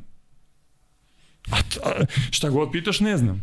Znaš, neće niko da uzme odgovornost da kaže, verovatno je to, to i to. I šta god se reši, pojavi se još tri komplikacije. To je to toliko dugo trajalo, toliko je bilo ovaj, užasno je bilo. I, i ovaj, tu moram da, da stanem i da, da da kažem da oni koji mi karijeru spasio faktički, koji zbog koga dugujem nastavak moje karijere koja je trajala pa eto, od 2011. do, do 29 godina je Zoran Savić. Zoki Savić koji je uh, mnogo dobar drug e, Šaletov naravno i naše porodice. Uh, on je bio, ja sam tada bio u Pezaru jer, jer nastavio sam da budem tamo, bio sam blizu kluba i to oni su me pozvali da budem tu. Bio sam na relaciji Beograda, Tina i Pezar. Uh mhm, -huh, mhm. Te godine znaš. Ja sam, kako bi zadržao neki, neku normalnu psihologiju, jer sam imao 24 godine, nisam ja znao ništa drugo da radim, niti ja kako bi zadržao neku psihu, ja sam samo nastavio da treniram sam, ne, ne sa kontaktom i to, da radim teretanu, da e, iako na početku to nikakvog rezultata nije davalo i, ovaj, znaš, ali nekako sam samo da bi se osjećao opet u nekoj rutini na koju sam navikao ceo život i, i onda, sam, onda mi klub Skavolini mi dao sve njihove uslove i njihovog kondicionog trenera da treniram s njim ovaj, radili smo i radili i radili i na kraju mi to jeste pomoglo ovaj, da bi na kraju u januaru 2011. E, ovaj, ja sam bio u Pezoru i zvao me Zoki i kaže u Bolonji sam, a Pezor od Bolonje je sat i po vremena kolima, Kaže, u Bolonji sam sa direktorom e, bolnice Dešeus iz Barcelone, koja je jedna od najboljih bolnica na svetu. Taj je Martinez, mislim, se zvao taj čovjek. Čuo je, kaže, za tvoj slučaj i hoće da vidi, uh, hoće da vidi. Da, da te preispita i to. Mi smo tada um, razgovarali bili sa, sa raznim doktorima u Srbiji kako da mi zatvorimo sad tu kilu. Da li staviti ovu miopleksičnu mrežu, ovu što, što stavljaju za, za kile koje se stvari da, da, na da, da. preponama da. i to, kako bi imao, kako bi nastavio naravno, možda eventualno igro nekad i imao tu ovaj, kako se zove, stabilniju ovaj, taj, Odlogu, trbušni zid, da. Da, trbušni zid ili jednostavno zatvoriti bez, zato što ako staviš tu mrežu, pošto je to žarište, faktički se otvaralo dva puta, da postoji moguće za infekciju i ako se to inficira, onda se ga ugasio. Da, da, i onda ta velika dilema bila šta raditi i kako. Naravno da sam ja to zatvorio bez mreže, nikad ne bi kakva košarka, ne bi mogu lubenicu da dignuti. Znaš, to moram da paziš ceo život, da živiš malte neko ko penzioner. Ali to bilo validna opcija, e, upoređivanje s tim pa, da te... u tom da. momentu da. ti nemaš nešto mnogo da biraš. Pri tom treba i, ta bolnica koja će te operiše, treba da ima uslove za to, treba da, znaš, da, baš da bude ozbiljna priča i... I otišao sam u Bolonju, vidio me taj, taj čovjek, Zoki bio tu, i mi kaže, Borovi ti kaže, pa jesi ti normalan, kaže. I rekao, što? Pa ti treba da se operišeš, Ja rekao, kad? Juče, kaže, treba se stavi mreža, mi ćemo to, stavimo u Barceloni, zavezat ćemo kad ti igraš košarku za, za šest meseci. Ja rekao, ovaj čovjek me zeza i stvarno je tako bilo. Otišao sam e, e, ovaj, preko, preko Zorana, e, ovaj, sredio je tamo da, da, da budem u toj bolnici. Naravno, to, su, to je novac koji nikad nisam prežalio. Ni, ni jedan jedini cent što sam dao, to je najbolji uloženi novac u mom životu i bilo mi je zadovoljstvo jer su stvarno uzeli su me pod svoje, rešili su to, dakle u februaru, dvaje, u februaru 11. sam se operisao, stavio tu mrežu unutra i u, u septembru 11. sam bio u standu. Novi početak. Da. U standu sa Vesom Petrovićem, Dušan Đorđević, Katnić, Dule. Novi početak za tebe. Tako je. Tako je bilo. I leto, to, kako sam završio operaciju dok ne, e, do stendeja, to, to leto sam krenuo vizuru. Vizura. I tu je sve krenulo. Vizura, eto, viš, vizura te je Vizura Zoki Savić i vizura. Tako je krenulo nove, no, no, novi život, nova karijera. Jeste, jeste. To, wow. to, to je trajalo koliko? godina i po dana? Da, pa eto, e, izašao sam iz bolnice. april? Izašao si... sam, ušao sam 24. aprila i izašao sam 11. juna 2010. I, i, u februar, šta se rekao, 11. se operisao? Februar 11. operisao i u prvi basket sam odigrao u Vizuri u junu 2011. Znači godinu dana posle. A se, e, dolazak na taj prvi basket posle svih tih peripetija kroz, kroz koje si prošao, kako je, je bilo ono, je bilo straha? Da... Pa, znaš šta, bilo čudno, bilo je, bilo je, znaš, ono, Meni su doktori objašnjavali kad je to sve krenulo da napreduje, kad, kad sam krenuo već da, da, da se naš, primenjuje i kad sam mogao da jedem više i više, što sam želudac ovaj, širio. E, ovaj, oni su to meni objasnili, vidiš šta se desilo, se desilo. To ne može opet da se desi, jer jednostavno, znaš, tako da samim tim ako ćeš da igraš, nemaš, nemaš ti taj neki veći rizik zbog toga što se desilo. Mislim, ne, ne, ne, ne može nešto sad, nešto slično da bude. Da, da, da. Samim tim ja sam to uzeo u glavu, naravno nije bilo sve jedno kad si počinjao na početku, ok, naravno sad postaviš, okrenut ćeš malo kuki. I imao sam foru i to mi više psihički pomagalo, nije to ništa ovaj. Je, znaš one, one majice, bre, one, što imaju heksagon što smo da, da nosili da, da, iza, da, da, što ti čuva rebra i leđa. Ono, one kru, kockice na leđima. E, I ovde, ja sam ga okrenuo naopako, napravio V ovde, šio da me ne davi i one kocke što bili na leđima da sam okrenuo na stomak. Da me kao, da imam ekstra tu ovaj, amortizaciju ako me neko udari. Više iz psiholoških razloga i to, i to sam nosio tako, pravo ti kažem, jedno 5-6 godina dok sam igrao. To, to mi je bilo neki onaj trip onako. Pa vidi, osjećaš se, što kažeš, psihološki pa da, se nešto, osjećaš da, neki da si, da si zaštićen. Da, da napraviš neke trikove i i to ti pomogne onako da, da, da se osjećaš bolje i, i ovaj, uvereniji na terenu, znaš. Naravno, na početku je bilo loše, je ga nisam ni bio ni, ni blizu onog igrača koji sam na kraju uspeo da budem u, pri kraju svoje karijere u Ajku i to. Pa vidi, šta si prošao, dobro si, dobro se ti... Meni, tako je, meni da je 2010. neko rekao, vidi, e, jedan koš, će, jedan koš da daš posle ove povrede, lupio bi mu šamar što me zajebao, ali, ali da odigraš 9 godina posle toga, Ove. samo od sebe mi je uspeh. Čekaj, gore idemo o stende, Vesa Dule, šta si rekao, Katnić? Katnić, Vesa Dule, e, ovaj, to, to je počeo da, da je Dušan Đorđević, ako se ne varam, i dalje tamo. igra i dalje, brate, pegla i dalje. Da, i nje, i on je bio Vezuvij Gle, vidi, čuo sam, leta. Čuo sam da, je, ovaj, da mu je poslednje, sad ćemo da vidimo. A, svaka mu čast, stvarno, 40, 40 godina. Da, da. Ovaj, odličan momak i igrač i, i Vesa je tamo bio institucija, sve, i došao sam... I si igrao taj taj čuveni belgijski kup, to minus poeni, jesi E, bio... čuo sam tu priču, ni, ni, ne znam za to, ne znam, to je verovatno, nisam ja to, ovaj, ne znam da se to promenilo kad sam ja došao, ne, ali to je neverovatno. to je vesina priča. Što najgore, potvrdili su mi odmah momci pa, sad, pa, koji, sigurno istina, sad da. koji su gori, isto su mi potvrdili, jer to Vesa kad je ispričao, uh, kad smo mi to emitovali, javio mi se tip gore, uh, kaže, mi igramo za vikend, počinjemo sa minus 10. ne, da, to ne, čuo sam to i mnogo mi smešno bilo, neverovatno pravilo, a, a gen, mi se, sad se setim, mi smo izgubili, mi smo odigrali e, protiv prvoligaške ekipe na strani e, i to ne na početku sezone, negde u, kad smo već krenuli izgubili smo bili, tako da je bilo normalno. A vi ste ovaj. ispali, niste da, stigli da. do te lige.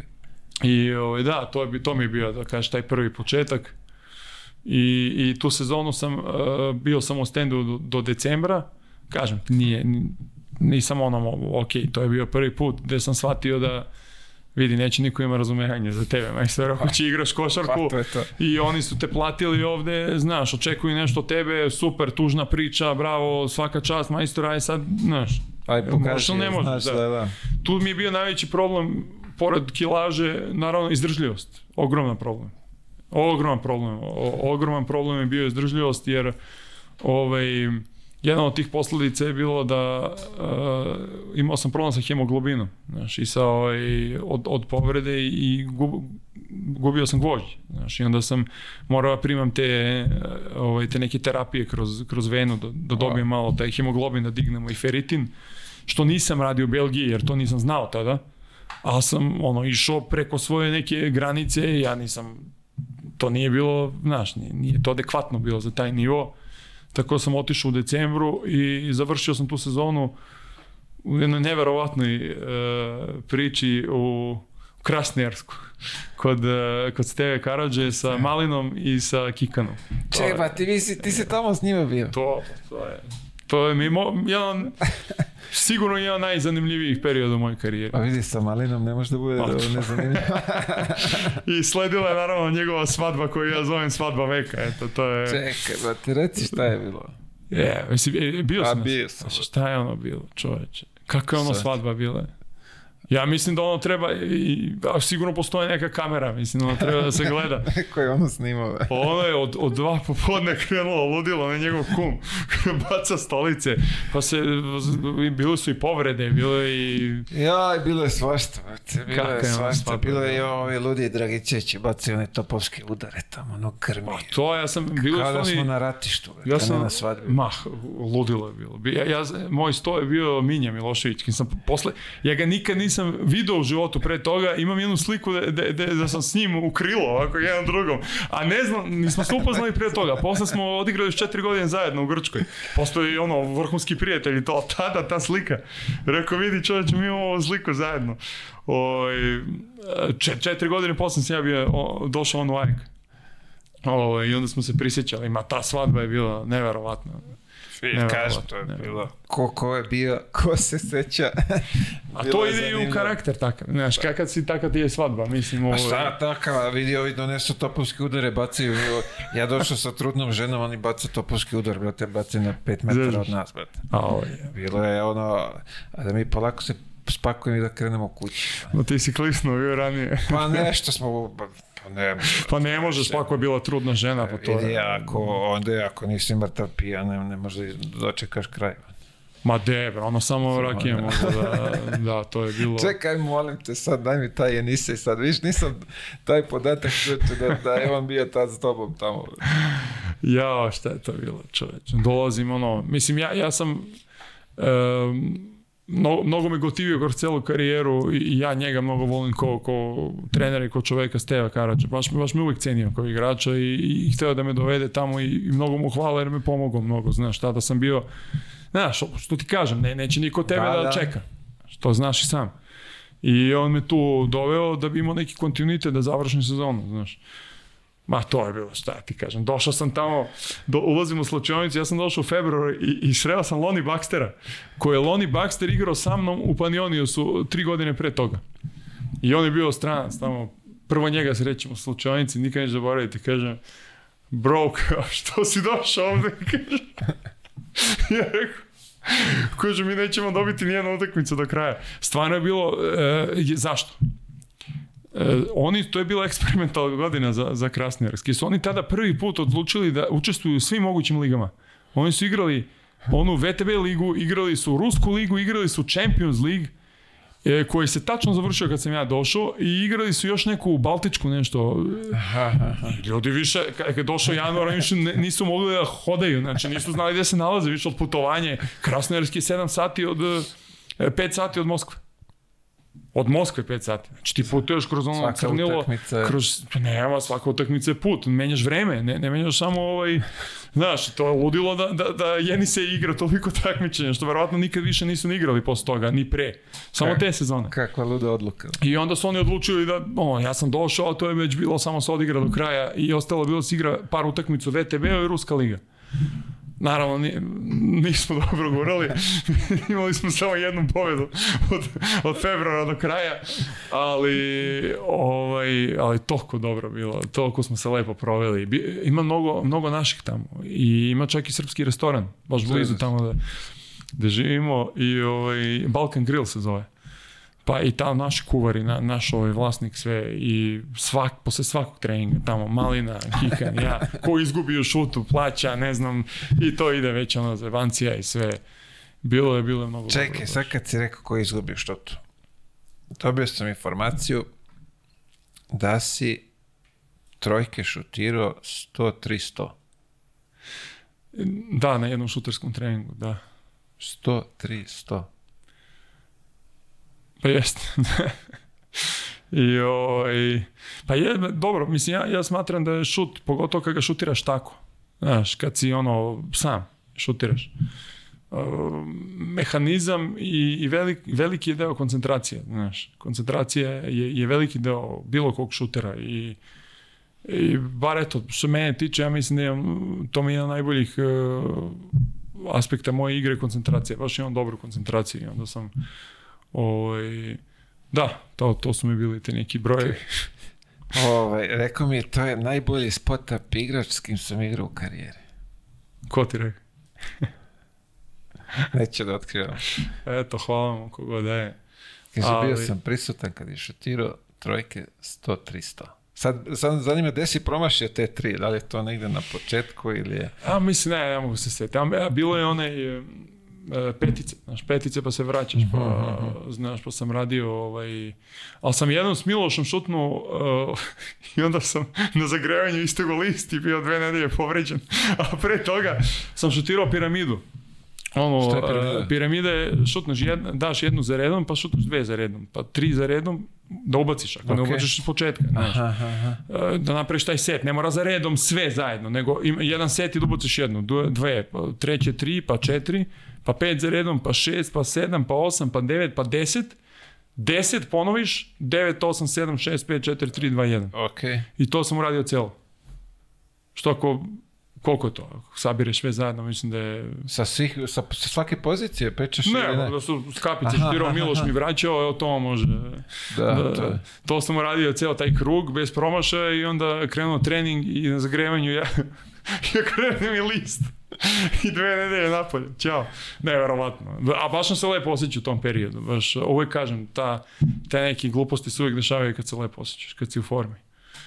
A ja, bilo, to, to, to, to mi je bilo, to se sjećam. A te ručkove i tamo u tom Balkan grillu, ovaj, si dobio sa, sa šutem sa pola terena ili...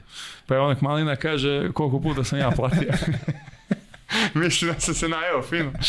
Jo, još je bio skup restoran. Ovaj, tu je malina ostavio polugovor. Šalim se, nije, nije. Ovaj, uh, pa takmično bez veze, gluposti. Ali onim s kim sam se ozbiljno baš ozbiljno ovaj, klao to posle svakog treninga, eto može i onda potvrdi, nadam se da će ti bude gost, jer on sigurno ima interesantne priče, je Vojki Miloš Vujenić u Atini, u Panatanikusu. Posle svakog treninga igrali smo o, iz pet pozicija do 20. Šutneš 20, uh -huh.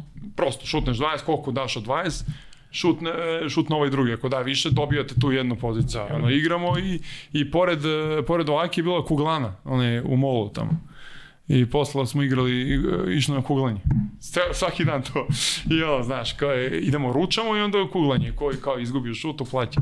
E, viš, Vujke, Vujke ta svi, mnogi, mnogi pitanje traže, ovo, ovaj, sada, kad si već ga spomenuo, Vujke neće da gostuje, ovo, ovaj, on se povukao iz javnog života, ne priča, nema ga nigde u medijima i rekao, izvini, nema ništa da zameriš, ja sam rekao, redu, hvala ti.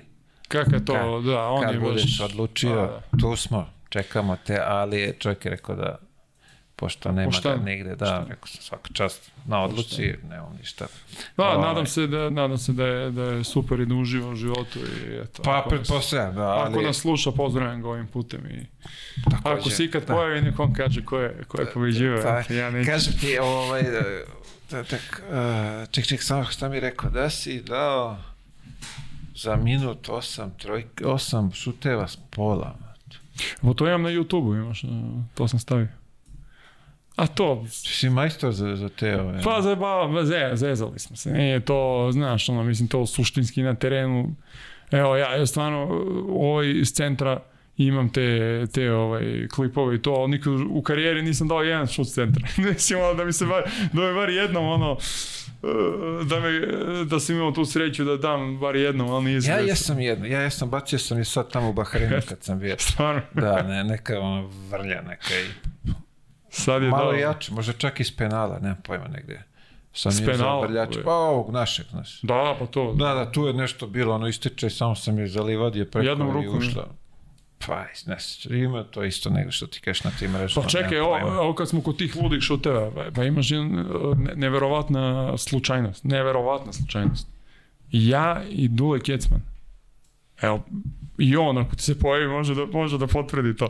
Ja i Dule smo te godine kad je bio Panatenikus, to je bilo mhm, mhm, godine pre mhm, nje, famozne one sezone, to je 8-9, smo pre svakog treninga, eto dok čekamo onaj video Željkova, Mi smo igrali, e, igrali ovaj, zvali smo tako igre bez granice, ne znam kako smo zvali.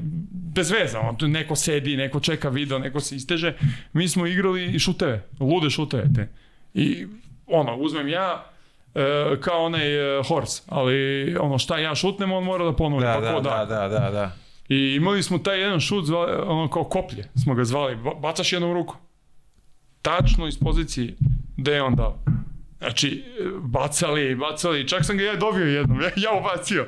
I on je čak i dao jedan taj protiv Rome, ako, ako ima na YouTube-u, kad je bio u Panatenikusu, on je ubacio iz te pozicije. I ta smo se sprdali, zabavali se kako mi to vežbamo. I stvarno je tako bilo. I Dule kad je dao trojku protiv Cibone, to je bio 25. april 2010.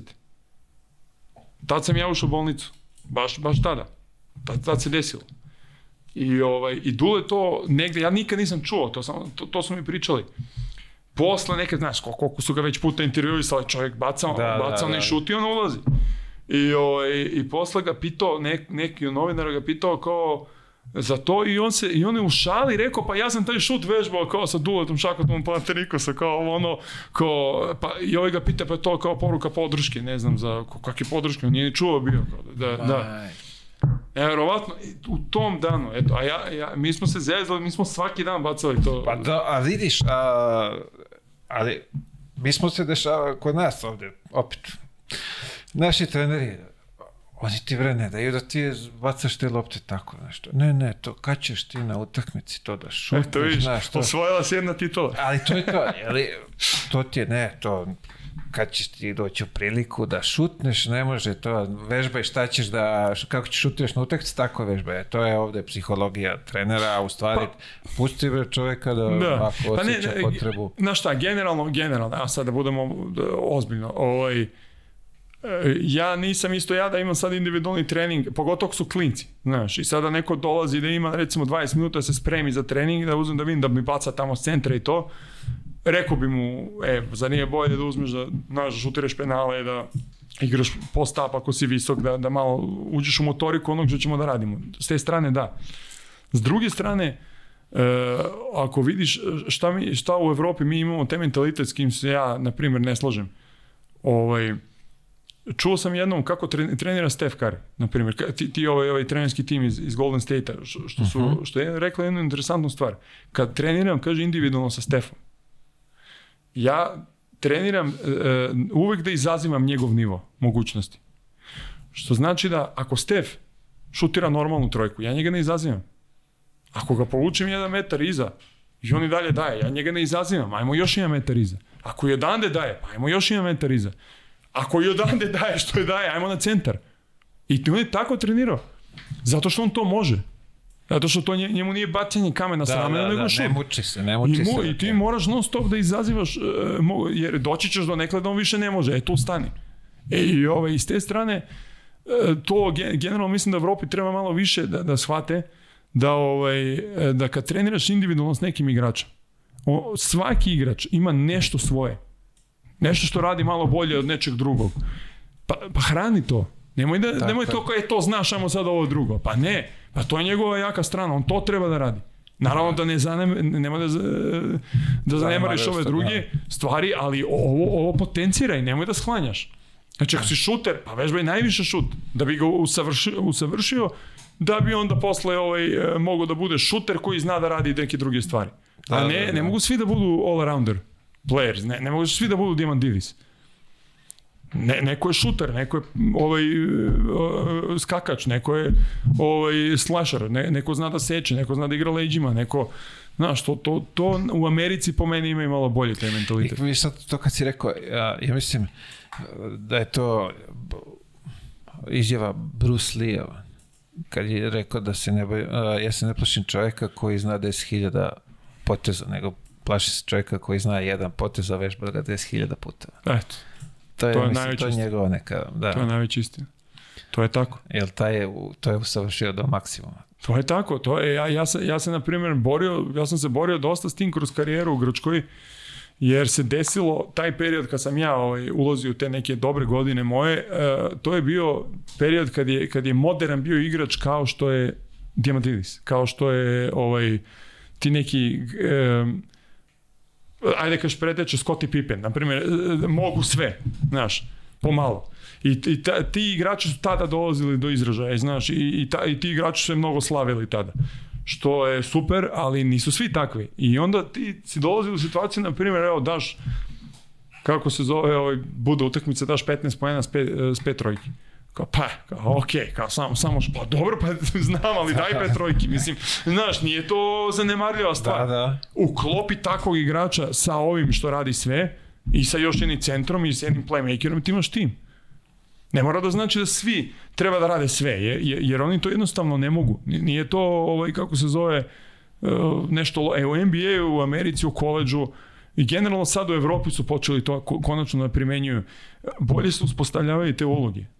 Znači, nije loše imati ulogu. Što ti kaže, nije loše biti jedan igrač koji, koji je specijalizovan za jednu stvar, ali u kolektivi prati ono što, što, što tim hoće da uradi. A ne svi mora da, ska, da budu u skoku, svi mora da, kako se zove, budu paseri, svi mogu da šutnu, pa ne mogu svi da šutnu. Jednostavno ne mogu. Kao što ne mogu i svi da skoče preko obruče da zakucaju laktom kao Lesor, na primjer. Ne mogu. Tako Dakle, nađimo to što radi najbolje i uklopi ga to, da, i uklopi ga u, u, u deo ekipe i to je to. Da. To je to. A, po, kako je došlo na ideju da sa Šaletom sarađuješ u pa nije bila ideja, bila je... Da, malo pre si rekao da nisi želeo, ali, ali ovaj, desilo se. Pa, eto, vidiš, iz, iz, iz evidentnih razloga, znaš, ono, nije to lako. To je, to je jako teško, jer ovaj, uprko toga što, što se desilo da, da on kao trener i njegov trenerski stil ja kao igrač se uklapam. To je, to je, to je bila ta olakšavajuća okolnost, zato je donala rezultat i meni individualno u tim sezonama kad me on vodio, a i kolektivno smo napravili uspeh te 2018. E, što kažem da nije, nije planirano, zato što ne, nisam to želeo, ja ne želim da budem u toj situaciji da ti, ako si, svakako mora da se dokazuješ jer ti je on trener, ja zamislim ti što ti stvarno trener. Znači, znaš, što je, ja po, uvek sam pokušavao da sagledam tu situaciju sa, nekog, sa mesta nekog saigrača, znaš, sad ja, Znaš kako mi uvek volimo i u sločionici da ajde neko ne odigra pa lupi nešto protiv trenera pa da, sad da, on je da, treba da, razmišljati da, da li ću ja to da odnesem kući ili ne. Da, da, Naravno da, da, da neću, da. Nije, nije to, znaš, zato sam ja izbegavao da pričam uopšte sa Šaletom u tom periodu kad smo sarađivali o bilo čemu što ima veze unutar ekipe. Smatram da to nije fair bio i, to, i distancirao sam se na taj način.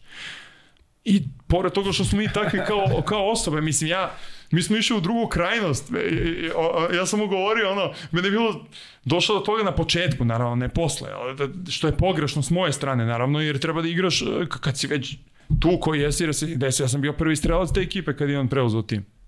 On je preuzeo u decembru. Mislim, što, bi, što se ne bi igralo na mene? A ja nisam teo, znaš. Ja rekao, o, ovaj playmaker za ove 4 dola, ja rekao, nemoj, igre, igre kao dva strana, znaš, ono, kao nešto mi ja tripujem u glavi. To je, to je, to je bez veze, ali ja sam bio totalno u suprotnoj strani, znaš, da slučajno neko ne pomisli, što je glupo. Ovaj, s te strane bilo je teško na početku, ali, eh, ali nije došlo planirano. Ja sam bio tamo ovaj, i, i on je došao, ovaj, kako se zove, jer nismo dobro gurali te 2017-18 da smo bili jednim korakom van A čekaj, grupe. sad, sad si ti u, u, u, tu si u klubu i on treba da dođe, znači njega zovu da dođe. Jel on tebe pozvao, e, je, ovim zovu, da li da... Ma ne, on je bio, da, on je svakako bio u kontakt, pošto on, e, vidi, e, prvo treba da, da razumemo hronologiju stvari. I to pričamo o 2017. i 2018 on je legenda tog kluba, jer je on 2001. na drugo osvojio titulu, a je mhm, u mhm, Grčku, mhm. pored Panathenikosa koji je osvojio tada Euroligu u Bolonji, i, i van svih očekivanja. Znači on je i, i sledeće godine je opet igrao finale. Te 2001. na drugu i druge na treću. Tako da on već bio ime u tom klubu. I kad su novine, pošto novine uvek prvo počinju da spominju imena, naravno svi su znali i svi su bili u fazonu, e, kao će da dođe, znaš, onda me pitaju, naravno. A i šale, naravno, da će me pita e, moje mišljenje šta se dešava unutar kluba i to, gde, da sam ja, jako je bilo, ovaj, znaš, po meni najteže, ja sam u fazonu, ono, znaš, jebi ga, trebaš nam, znaš, i stvarno je tako bilo, jer smo mi posle prošle tu grupu uzeli kup protiv Olimpijakos se osvojili Ligu šampiona. Napravili istorijsku sezonu. Ali nismo hteli da nastavimo sledeće godine. On je mogao da nastavi, delimično mislim da je on tu odluku napravio jer nije hteo da... Doživjeli smo taj neki maksimum koji smo mogli da doživimo s tim klubom, osvojili smo to evropsku titulu, mm -hmm. uzeli smo kup, svakako prvenstvo, kako će osvojiš? Da, nema. Pored dve ekipe koje imaju po, po 10-15 miliona budžet, znaš, što bi sad nešto ono, do, kulminisalo je tu i, i rešili su, ja sam ostao još godinu dana, on je, on je rešio da ne bude ovaj. Trener pa je došao Luka Banki. A reci mi, Kako je kad je Ćale trener? Pa kažem, ne, neudobno je, neudobno je, znaš, e, na početku, ali posle, posle jer smo krenuli, on jako iskusan isto, znaš, on je jako iskusan i on, i on zna, ovaj, e, zna tačno šta je trebalo suradi, da je trebalo vreme da prođe i mi smo na, na terenu i to smo imali uvek maltene najmanji kontakt od svih, znaš, bukvalno je bilo i došlo stvarno do toga da ja njega više ne vidim ko ono, na terenu, on je, znaš, ne, ne, ne vidim ga, ne doživljavam ga ko oca uopšte, znaš, no, no, čudna je situacija bila i onda pa posle, pitam, ne, završi se trening, bukvalno ne znam, što desi da, ne znam, dobro, ja sam, ja sam isto bio, imao takvu ulogu i, i sa prethodnim trenerom isto i da, da nisam, bio sam kapiten te ekipe, tako da svakako ja i nisam igrač koji me mnogo napušavaš. Znaš, nisam ja igrač za napušavanje. Ja generalno radim to što radim, te dve, tri stvari i znam što treba da radim na terenu i kad pogrešim, svaki trener koji je sarađivao sa mnom zna da ja znam da sam pogrešio. Tako da ne, s te strane da, da, da, da on nešto, da, znaš. Ovo, ovaj, I već sam bio i ono, iskusan tada. Imao sam 30, 32 eh, eh, godine, znaš, nije, nije bilo ovaj, bio sam jedan od najstarijih već. Uh, ali tipa ono, ne znam, ne, ne komuniciramo ceo trening, on završi trening, on me pita kao, ne znam, ovaj, kao ćeš e, u kući kao kod Keve na večeru, ali će da ideš sam, kao, tako neke stvari. Ovaj. Simpatično je bilo posle i stvarno je bilo na kraju bilo prelepo, jer smo, jer smo osvojili to i bilo je ko iz filma. Ali na početku je bilo baš neudobno, baš ono, znaš, razmišljaš o mnogim stvarima. Pa vidi, mnogo je nezahvalno. Nije, nije, nije baš ono što misle ljudi. Ne? mnogo je nezahvalno. Da. To, viš, nije, nije mi palo na pamet to, ali što si napomenuo, či znači, igrači oni mogu, znaš, opet, ovak, mogu da šta god pričaju o treneru, a ti mora tu, ti si tu, pa si tu, ne možeš da pobegneš, ti, ti mora to da čuješ, sad je, znaš, pa Ma, naš koliko puta, pa, naš koliko puta se desi, na primjer, situacija da ja vidim, evo, ja tačno znam, pošto mi ja bio da tada iskusan igrač, znaš, ja znam, na primjer, evo sad se skupila ta ekipa dva igrača, jedan je odigrao katastrofa ili vidim po, po faci, na primjer, da, da nije zadovoljan i vidim da mu se nešto, znaš, ja ustanem i odem. Znaš, da bi, šta sad, on čuti, znaš, ono, pusti ga, ne idem, da, da, ne, da. neću da pravim, neprijatnu situaciju, znaš. Tako da niko stvarno ne verujem da iko ima problem i, i, ovaj, i ja sam na tome isto. Znaš, pomagao sam koliko mogu u situaciji da se niko ne osjeća da, da je tu sad se nešto čudno dešava, jer se stvarno nije ništa čudno dešavalo. Znaš, ni, nisam ja nikad ono, e, iskoristio ni nekakav način ovaj, ne, nešto što se čuje o zločionici i to i... Pa vidi, posle, šta ste rekao, 2001. i sad ovo, Šakota tamo treba zlatnim slovima da, da negde da ih Pa jeste, da oni su ga, da, ba, baš evo sad, eh, sad se ovaj, uspostavio kontakt opet između njega i tog kluba, imali su neke eh, ovaj, određena dugovanja prema njemu koje se nisu bila izmirila, pa su tu malo, znaš kako to već ide, ohladili odnosi, ali su se pokazali i opet tu ušao neki program. Uh, I sad je evo prvi put posle četiri godine, ne, tri godine, prvi put je bio na utakmici, pozvali ga bili, pa su ga ono, znaš, ovaj, otvorila se opet ta neka komunikacija. Jako mi je drago zato što on zaslužuje da, da bude ovaj, ona istorijska ličnost tog kluba. Pa, pa zbog toga. I šteta mislim. je da on nema nikakav kontakt s njima, znaš. I, ovaj... To je sve na, na ajde kažemo, na grešku tog menadžmenta ko, ko to vodi, mora da imaju razumevanja i da, da, da... To je ono, ja mislim, što i ovde kod nas malo, malo fali, koliko god se sa mnom složili i ne složili i Partizan i Zvezda, da, da nemaju tu neku, uh, kako, to, kako to nazvati, to, da neguju te, te neke svoje bivše igrače, bivše trenere, da to bude kada se tu pravi neka baza, familija znaš, da, da, da, se, da se osjećaju svoji, znaš, da, da, da. To, da je to njihova da. kuća, tako da, ali dobro. Da. Pa znaš šta, da, previše tekućih stvari, opet vraćam se na ono, takav je današnji, današnjica naša, znaš, previše problema, previše stvari u sadašnjosti, previše brzo to sve ide, znaš, mnogo utakmica, mnogo igrača, mnogo problema aktualnih i onda ljudi idu, znaš, više gledaju ka napred, znaš, samo da, da ima neki nastavak priča, a malo ko se zastane i, i znaš, kaže, daj, je, daj da ispoštujemo ono što smo uradili do sada ili te ljude koji su pomogli. Da, da... Vidi, nije to ništa zahtevno. Samo treba malo da se posveti vreme to tome. Jest. Nije, nije to nikakav sad kao ne, neka nauka. Treba da okreneš te ljude, lupam, pozoveš na utakmicu, evo, imamo šta god, nebitno, ali vidim i, i, i sa ove aj kažemo, zvezdaške strane i sa, sa partizanove strane da su pojedini momci što stari, što mlađi, nezadovoljni, tako da. A dobro, što da. da radimo, nije. Ovaj. Da. Uh, reci mi, nastupi tvoj za, za, za repku, jesi... Uh, rekao si dobio si državljanstvo kad? De... Pa dobio sam, dobio sam državljanstvo ovaj, 2002. Je li bila ono kod tebe opcija kao i kod ovih ostalih da biraš?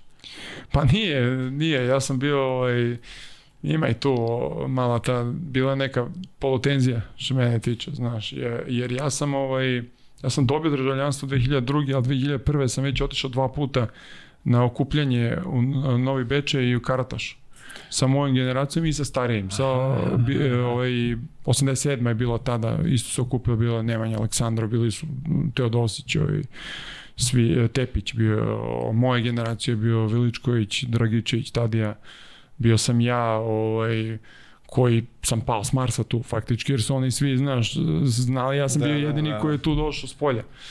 I prvi put se nisam baš najbolje snašao, a taj već drugi put na Novom Bečeju sam baš onako lepo, lepo odigrao i bio sam zadovoljan. Karadža je vodio ovaj, 87. A odatle se vi znate, odatle ste verotno... Pa ne, on, on da, i znam ga ja odande, a on zna godinama unazad aha, aha. šalet. A ja sam ga tad upoznao, a moju generaciju vodio Vinko Bakić. I kažem, bio sam tri puta ukupno. Dva puta u uh, Novom Be, e, Novi Beče i ovaj jednom u Karataš. I taj zadnji put sam baš onako lepo se, se i složio, već i momci isto mene upoznali, došao na treći put pa sam krenuo malo i da se da pričam, malo sam se otvorio ja i naravno to se odmah i prenalo i na teren i, i opustio se malo, bio i Tripković isto. Ovaj, I kad sam se vratio, Uh, stigao, stigao, mi, e, stigo mi poziv za grčku reprezentaciju junior s Konom Solunu, za 84. A ja se spremao da idem sa 86. u Saragosu, 2003. na Evropsku. Za Ju, Srbiju. Jugoslaviju tada, da. da, šta je već bilo, ne znam. I mi sa mojim ekonomom tada, evo ko juče se sećam, on odgovaramo kao mrtvi ladni kao, mi se zahvaljujemo na poziv, ali naš član Ajka, tada junior AEK, stiglo je na poštu juniorskog tima Ajka, ko mi smo, naš igrač opredelio za ovaj, za kadetsku reprezentaciju Srbije, koji će da igra za Evropsku u Saragosi 2003. I oni odgovorili, aha, aha, dobro, vaš igrač je tim, tim brojem pasoša. a svaki put kad odbije da igra za grčku reprezentaciju, bit će kažnjen pet kola. Maj. I zato što to je kulminisalo, jer je Vasilakopulos tada, izašao čak i na radio i baš tada je bilo ovaj, e, e, valjda mu došlo, previše mu bilo, da, do, dosta naših momaka su dolazili, kao Marko, da, da Milan, da, da, mnogo veći igrači, naravno Tako veći kalibar, ali to se tada nije, bio, da, da. Tarlač, Milan Tomić, i oni su dobili brzo te grčke pasoše, I onda su igrali za, za reprezentaciju osvajali zlata. I verovatno se ovo iznervirao, rekao pa neće Popiš, pa, više, pošto mi ja ajde kažeš bio neki talent tu, obećavao i rekao ne. I, I, to je bilo meni jako teško ja sada da, da, da presećam da tu sad nešto, jer faktički ti gradiš karijeru u Grčkoj, ja ne bi mogu da igraš u Grčkoj i stvarao bi problem i to sa strane moram da kažem da sa strane Saveza, što do nekle logično jer ja nisam bio neko zvučno ime, niti sam ikad igrao u Srbiji, sa strane Saveza Srbije nije se neko posebno o tom temom da, da znaš nešto uradi, a stvarno ja sam bio, kažem ti, ovaj, od, širom otvorenih ruku me dočekala grčka reprezentacija, prošao sam kroz sve te mlade generacije, uvek sam... Dobro, ti si s njima i odrastao, malte ne, tako? Da, i nekako je bilo prirodnije da, da, ovaj, da, da ja tamo e, da tamo napravim te svoje prve korake u reprezentaciji, ali eto, kad sam postao senior, e, desilo se simptomatično, baš oni ulaze u svoje one njihove najjače godine. Evo u Beogradu 2005. kad su uzeli evropsko, 2006. u Saitami kad su igrali e, finale svetskog, pa su uzeli medalju 2009. ako se ne varam, bili su baš ono, i to na poziciji 4, Carcaris, Focis, Vasilopulos, ne znam de, kako da uđeš. Znači, nisam imao, nisam imao sreće s te strane da je baš E, baš je bila njihova najjača generacija kad sam ja bio u tim najboljim godinama i nije se desilo da zaigram za seniorsku reprezentaciju. A, ali sam, e, eto da kažeš, dotako se seniorske reprezentacije Grčke 2018. kad su bili ovi prozori. To sam odigrao. To, to si imao te svoje nastupe. A vamo nešto što sam našao, Imaš neke nastupe za nekoj militari. Šta je Eto, pa to? Pa što to je, ja sam... Šta si to... ti ono kao služio ja sam, vojsku? Čovječe, Ka, kakva je to selekcija? E, kako se zove... Počašćen vojnik e, grčke armije, ja sam svetski prvak. To je, koja je to priča? U Grčkoj e, je obavezna služba ovaj, vojnog, roka. vojnog roka 11 mjeseci je normalno. Uh mhm. -huh.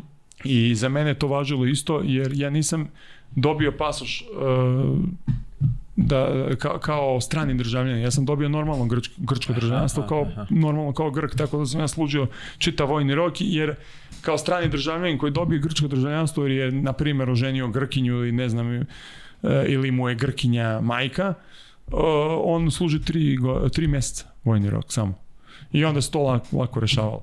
A ja sam imao pun rok. E sad imaš tu, imaš tu foru u Grčkoj kad si, samo kad si prvo prvoligaš, Jer druga liga je bila amaterska liga. Znači Aha. samo ligaš koja se smatra profesionalnom ligom, kad prođeš obuku, a i obuka koja traje 40 dana do zakletve, mm, ono, podeliš neki dres ovom tamo što je glavni, zapališ, ono, budeš, prenoćiš jednom, odeš, vratiš za tri dana, tako to ide kad si, kad si u, ovoj, u prvoj ligi, imao sam tu sreću, ja sam tad bio u Panatenikusu. I ovaj, pogotovo što je Panatenikos, znaš, i on, okrenu jedan telefon i dođem i izađem. Ali, kad te, e, kad te vojni rok uhvati kroz leto isto, znači taj letnji period, ti posle zakletve kad si prvoligaš, ako skupiš dovoljno učešća na utakmicama, što je jesam, to treba bude više od 50% utakmica. Onda dobiješ papir da možeš da ideš u tu neku sportsku jedinicu, što je pojaviš jedno mesečno, javiš se, popiš kafu i odeš.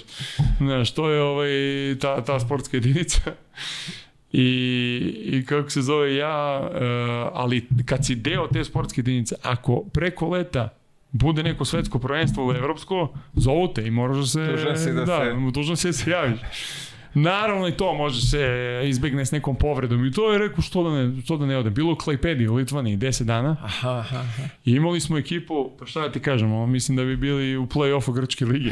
Bio Mavrokefalidis, ovaj, wow. bio je, ne znam, eh, tada da, eh, Margaritis je što igrao Pauku, pa ja, pa ne znam, eh, još neki, neka dvojka je što igrao prvu ligu Peristeve. oni su isto koji ti Ista fora, da. služenje da. vojnog roka, da. Da, i otišu tamo 10 dana osvojili svetsko, proveli se nikad bolje.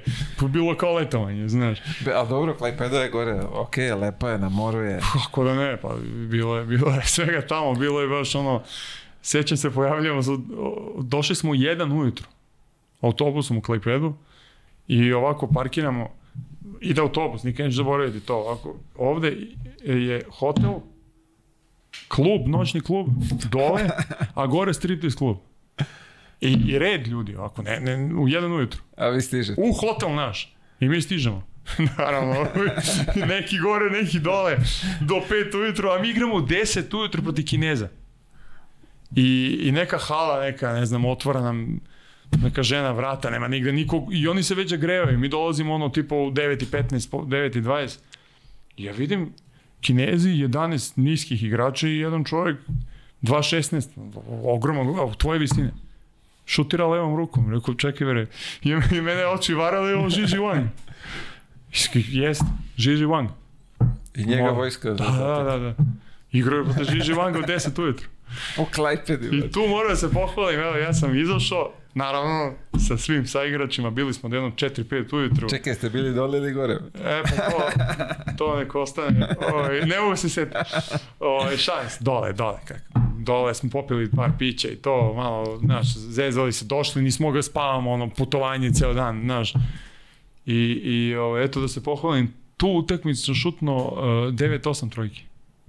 Ne znam koju foru. Če bi jesi dobro skoncentrisan. Pa izgleda da pomažem, ako je u seriji.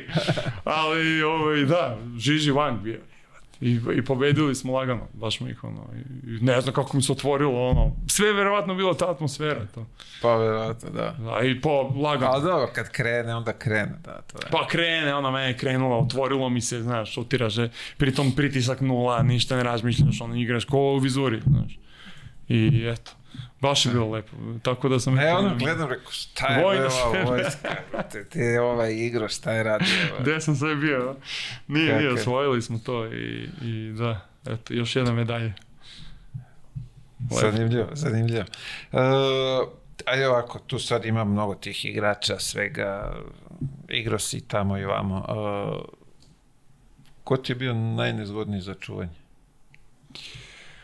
Pa, uh, Da, pa koliko ih bilo sve, mislim, ono, igrača koji su bili, jer sam ja dotakao, znaš, sva takmičenja, igrao sam Evrokup, igrao sam Evroligu, i, e, ma, manje do duša, sam igrao, e, igrao sam i e, Grčku ligu da se pojavili mnogo njih, ali kažem, evo, sećam se karakteristično jednu utakmicu koju smo, tako nas izblamirao, ovaj, nije mnogo poznat, ali to mi je ostalo onako, ono, baš, baš sramota. Uvijek te tako e, jedan zapadne, ovaj, da, da ka, zapamtiš. Caleb Green, Caleb Green, brate, u, u Sasariju, a ja u Skavoliniju, sa pol, ja i Polonara u Varezu, izvini.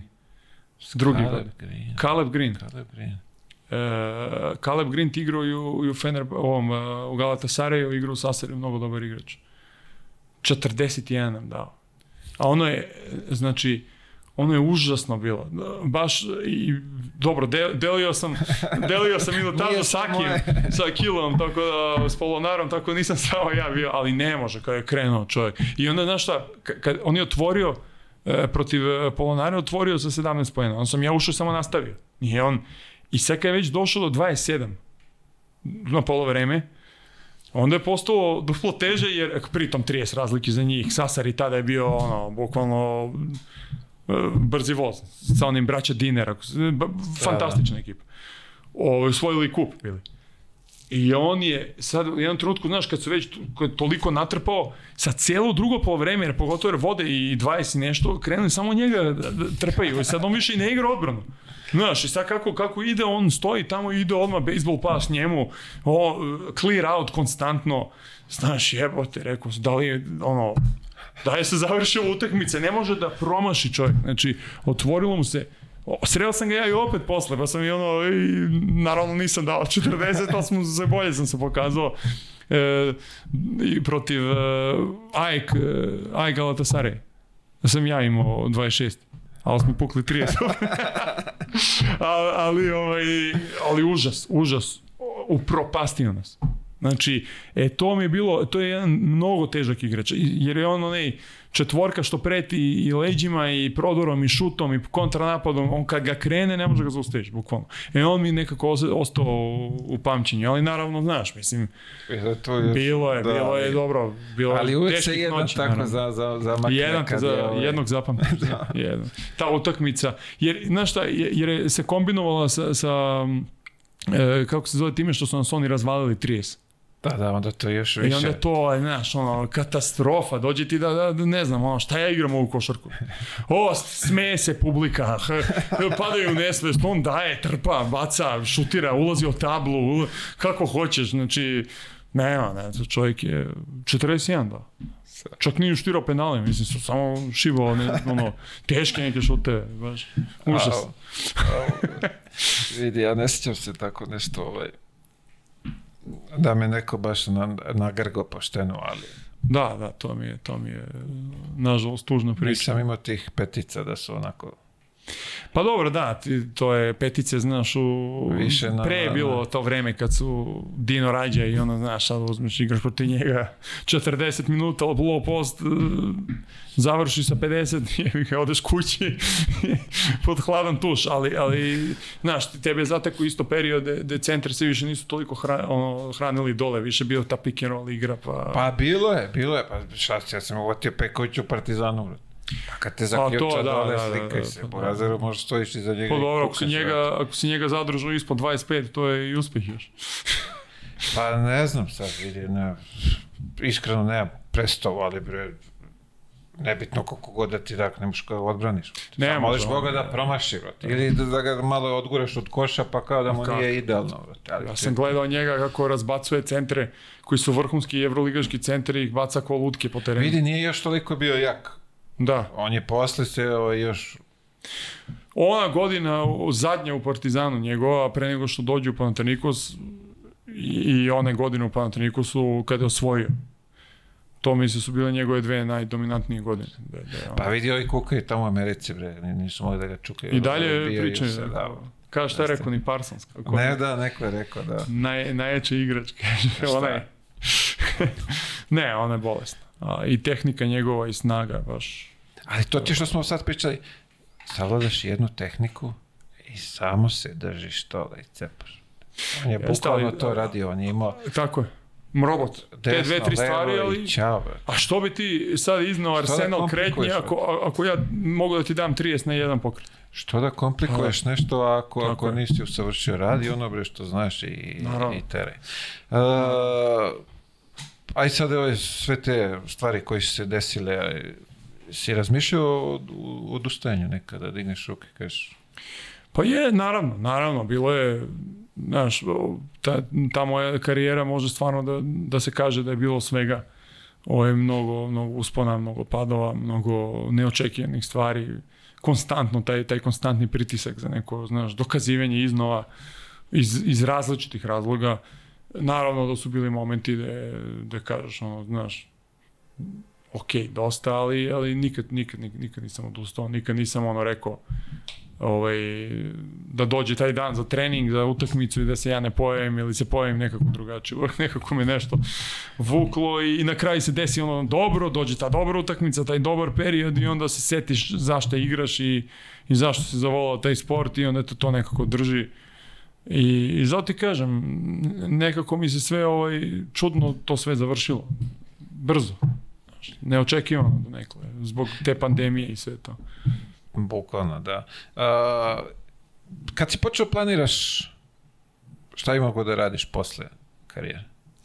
Pa krenuo sam da razmišljam, mislim da to 17. bilo, 2017, 31, 32 godine, ovaj, sam krenuo da razmišljam šta bi mogo. Mislim, ja sam od uvek želao i imam želju, ja nisam zatvorio vrata košarci. Znaš, ja, ja, ja, ja smatram da, da imam košarkaško znanje, ne igračko, nego, nego generalno razumem košarku. Mislim da i kad pričam s igračima i to kad im delim savete, mislim da, da imam to neko znanje što bi mogo, mogo bi da, da ovaj, vidio bi sebe u, u tom nekom uh, svetu košarkaškom, ali Konkretno, evo, trenerski posao me nije privlačio iz prostog e, razloga što sam ga video 30 i nešto godina kući i, i shvatam koliko on zahtevan posao, jer znam i sebe da, da kad bi se ovaj, prepustio tom poslu, da bi ja dao sve od sebe i da bi mi to uzelo mnogo toga.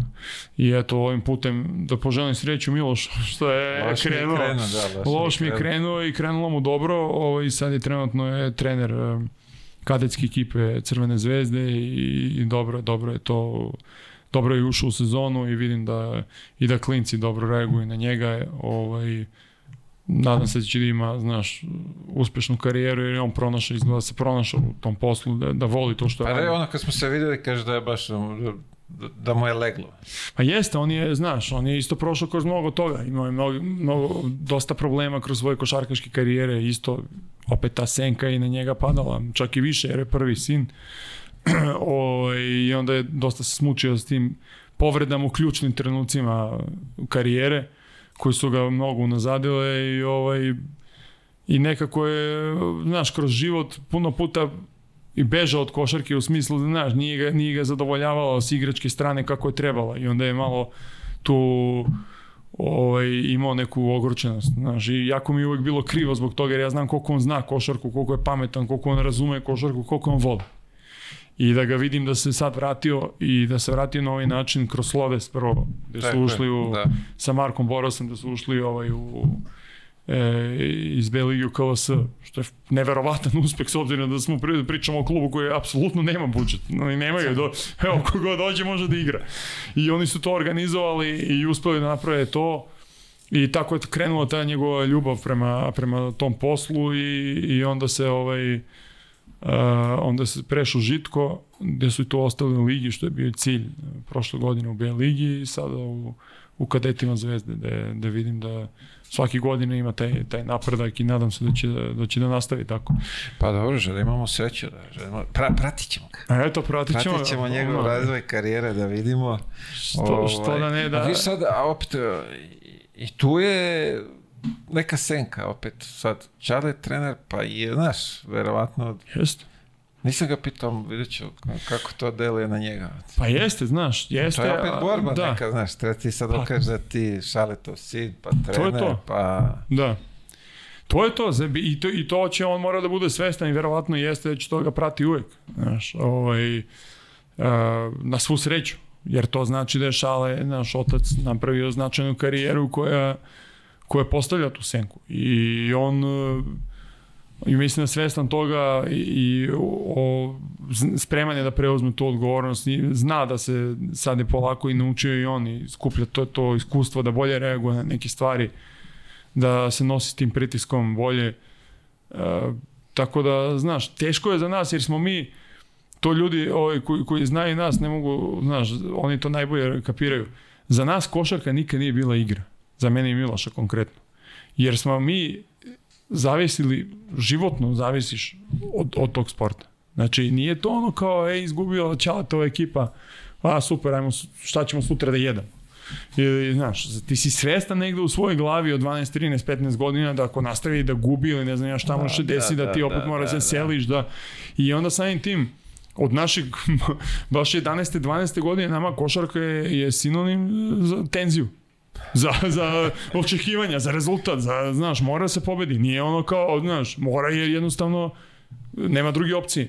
I samim tim, znaš, košarka je nama, drugačije mi gledamo, većina ljudi, znaš, mi smo, mi smo mnogo ozbiljno ušli u to, od malih mnogo, pre nego smo uopšte uhvatili loptu da treniramo s nekom ekipom. Tako da, on jeste da on nov trener, on je već jako iskusan sa, što tiče tih nekih košarkaških stvari s pozicije trenera kako reagovati posle poreza, šta treba raditi, šta, znaš, kako treba sabirati samog sebe, znaš, i to je to što ljudi treba da shvate, da on je, nije on nov trener, on, on u stvari da. doživljava on to... Iskustva, on ima iskustva 20 godina. 3, 20 nešto godina, da. Kad ti, jevi ga, sediš u, u solunu tamo sa 15 godina i gledaš, ono, igra se na pola koša, ti strepiš ovako, da li će da, oče Čaletova ekipa da pobedi, nije lako posle da ti shvataš je sport kao igru. Znači. I vidi, nije lako ni posle svega toga da se odlučiš to da radiš.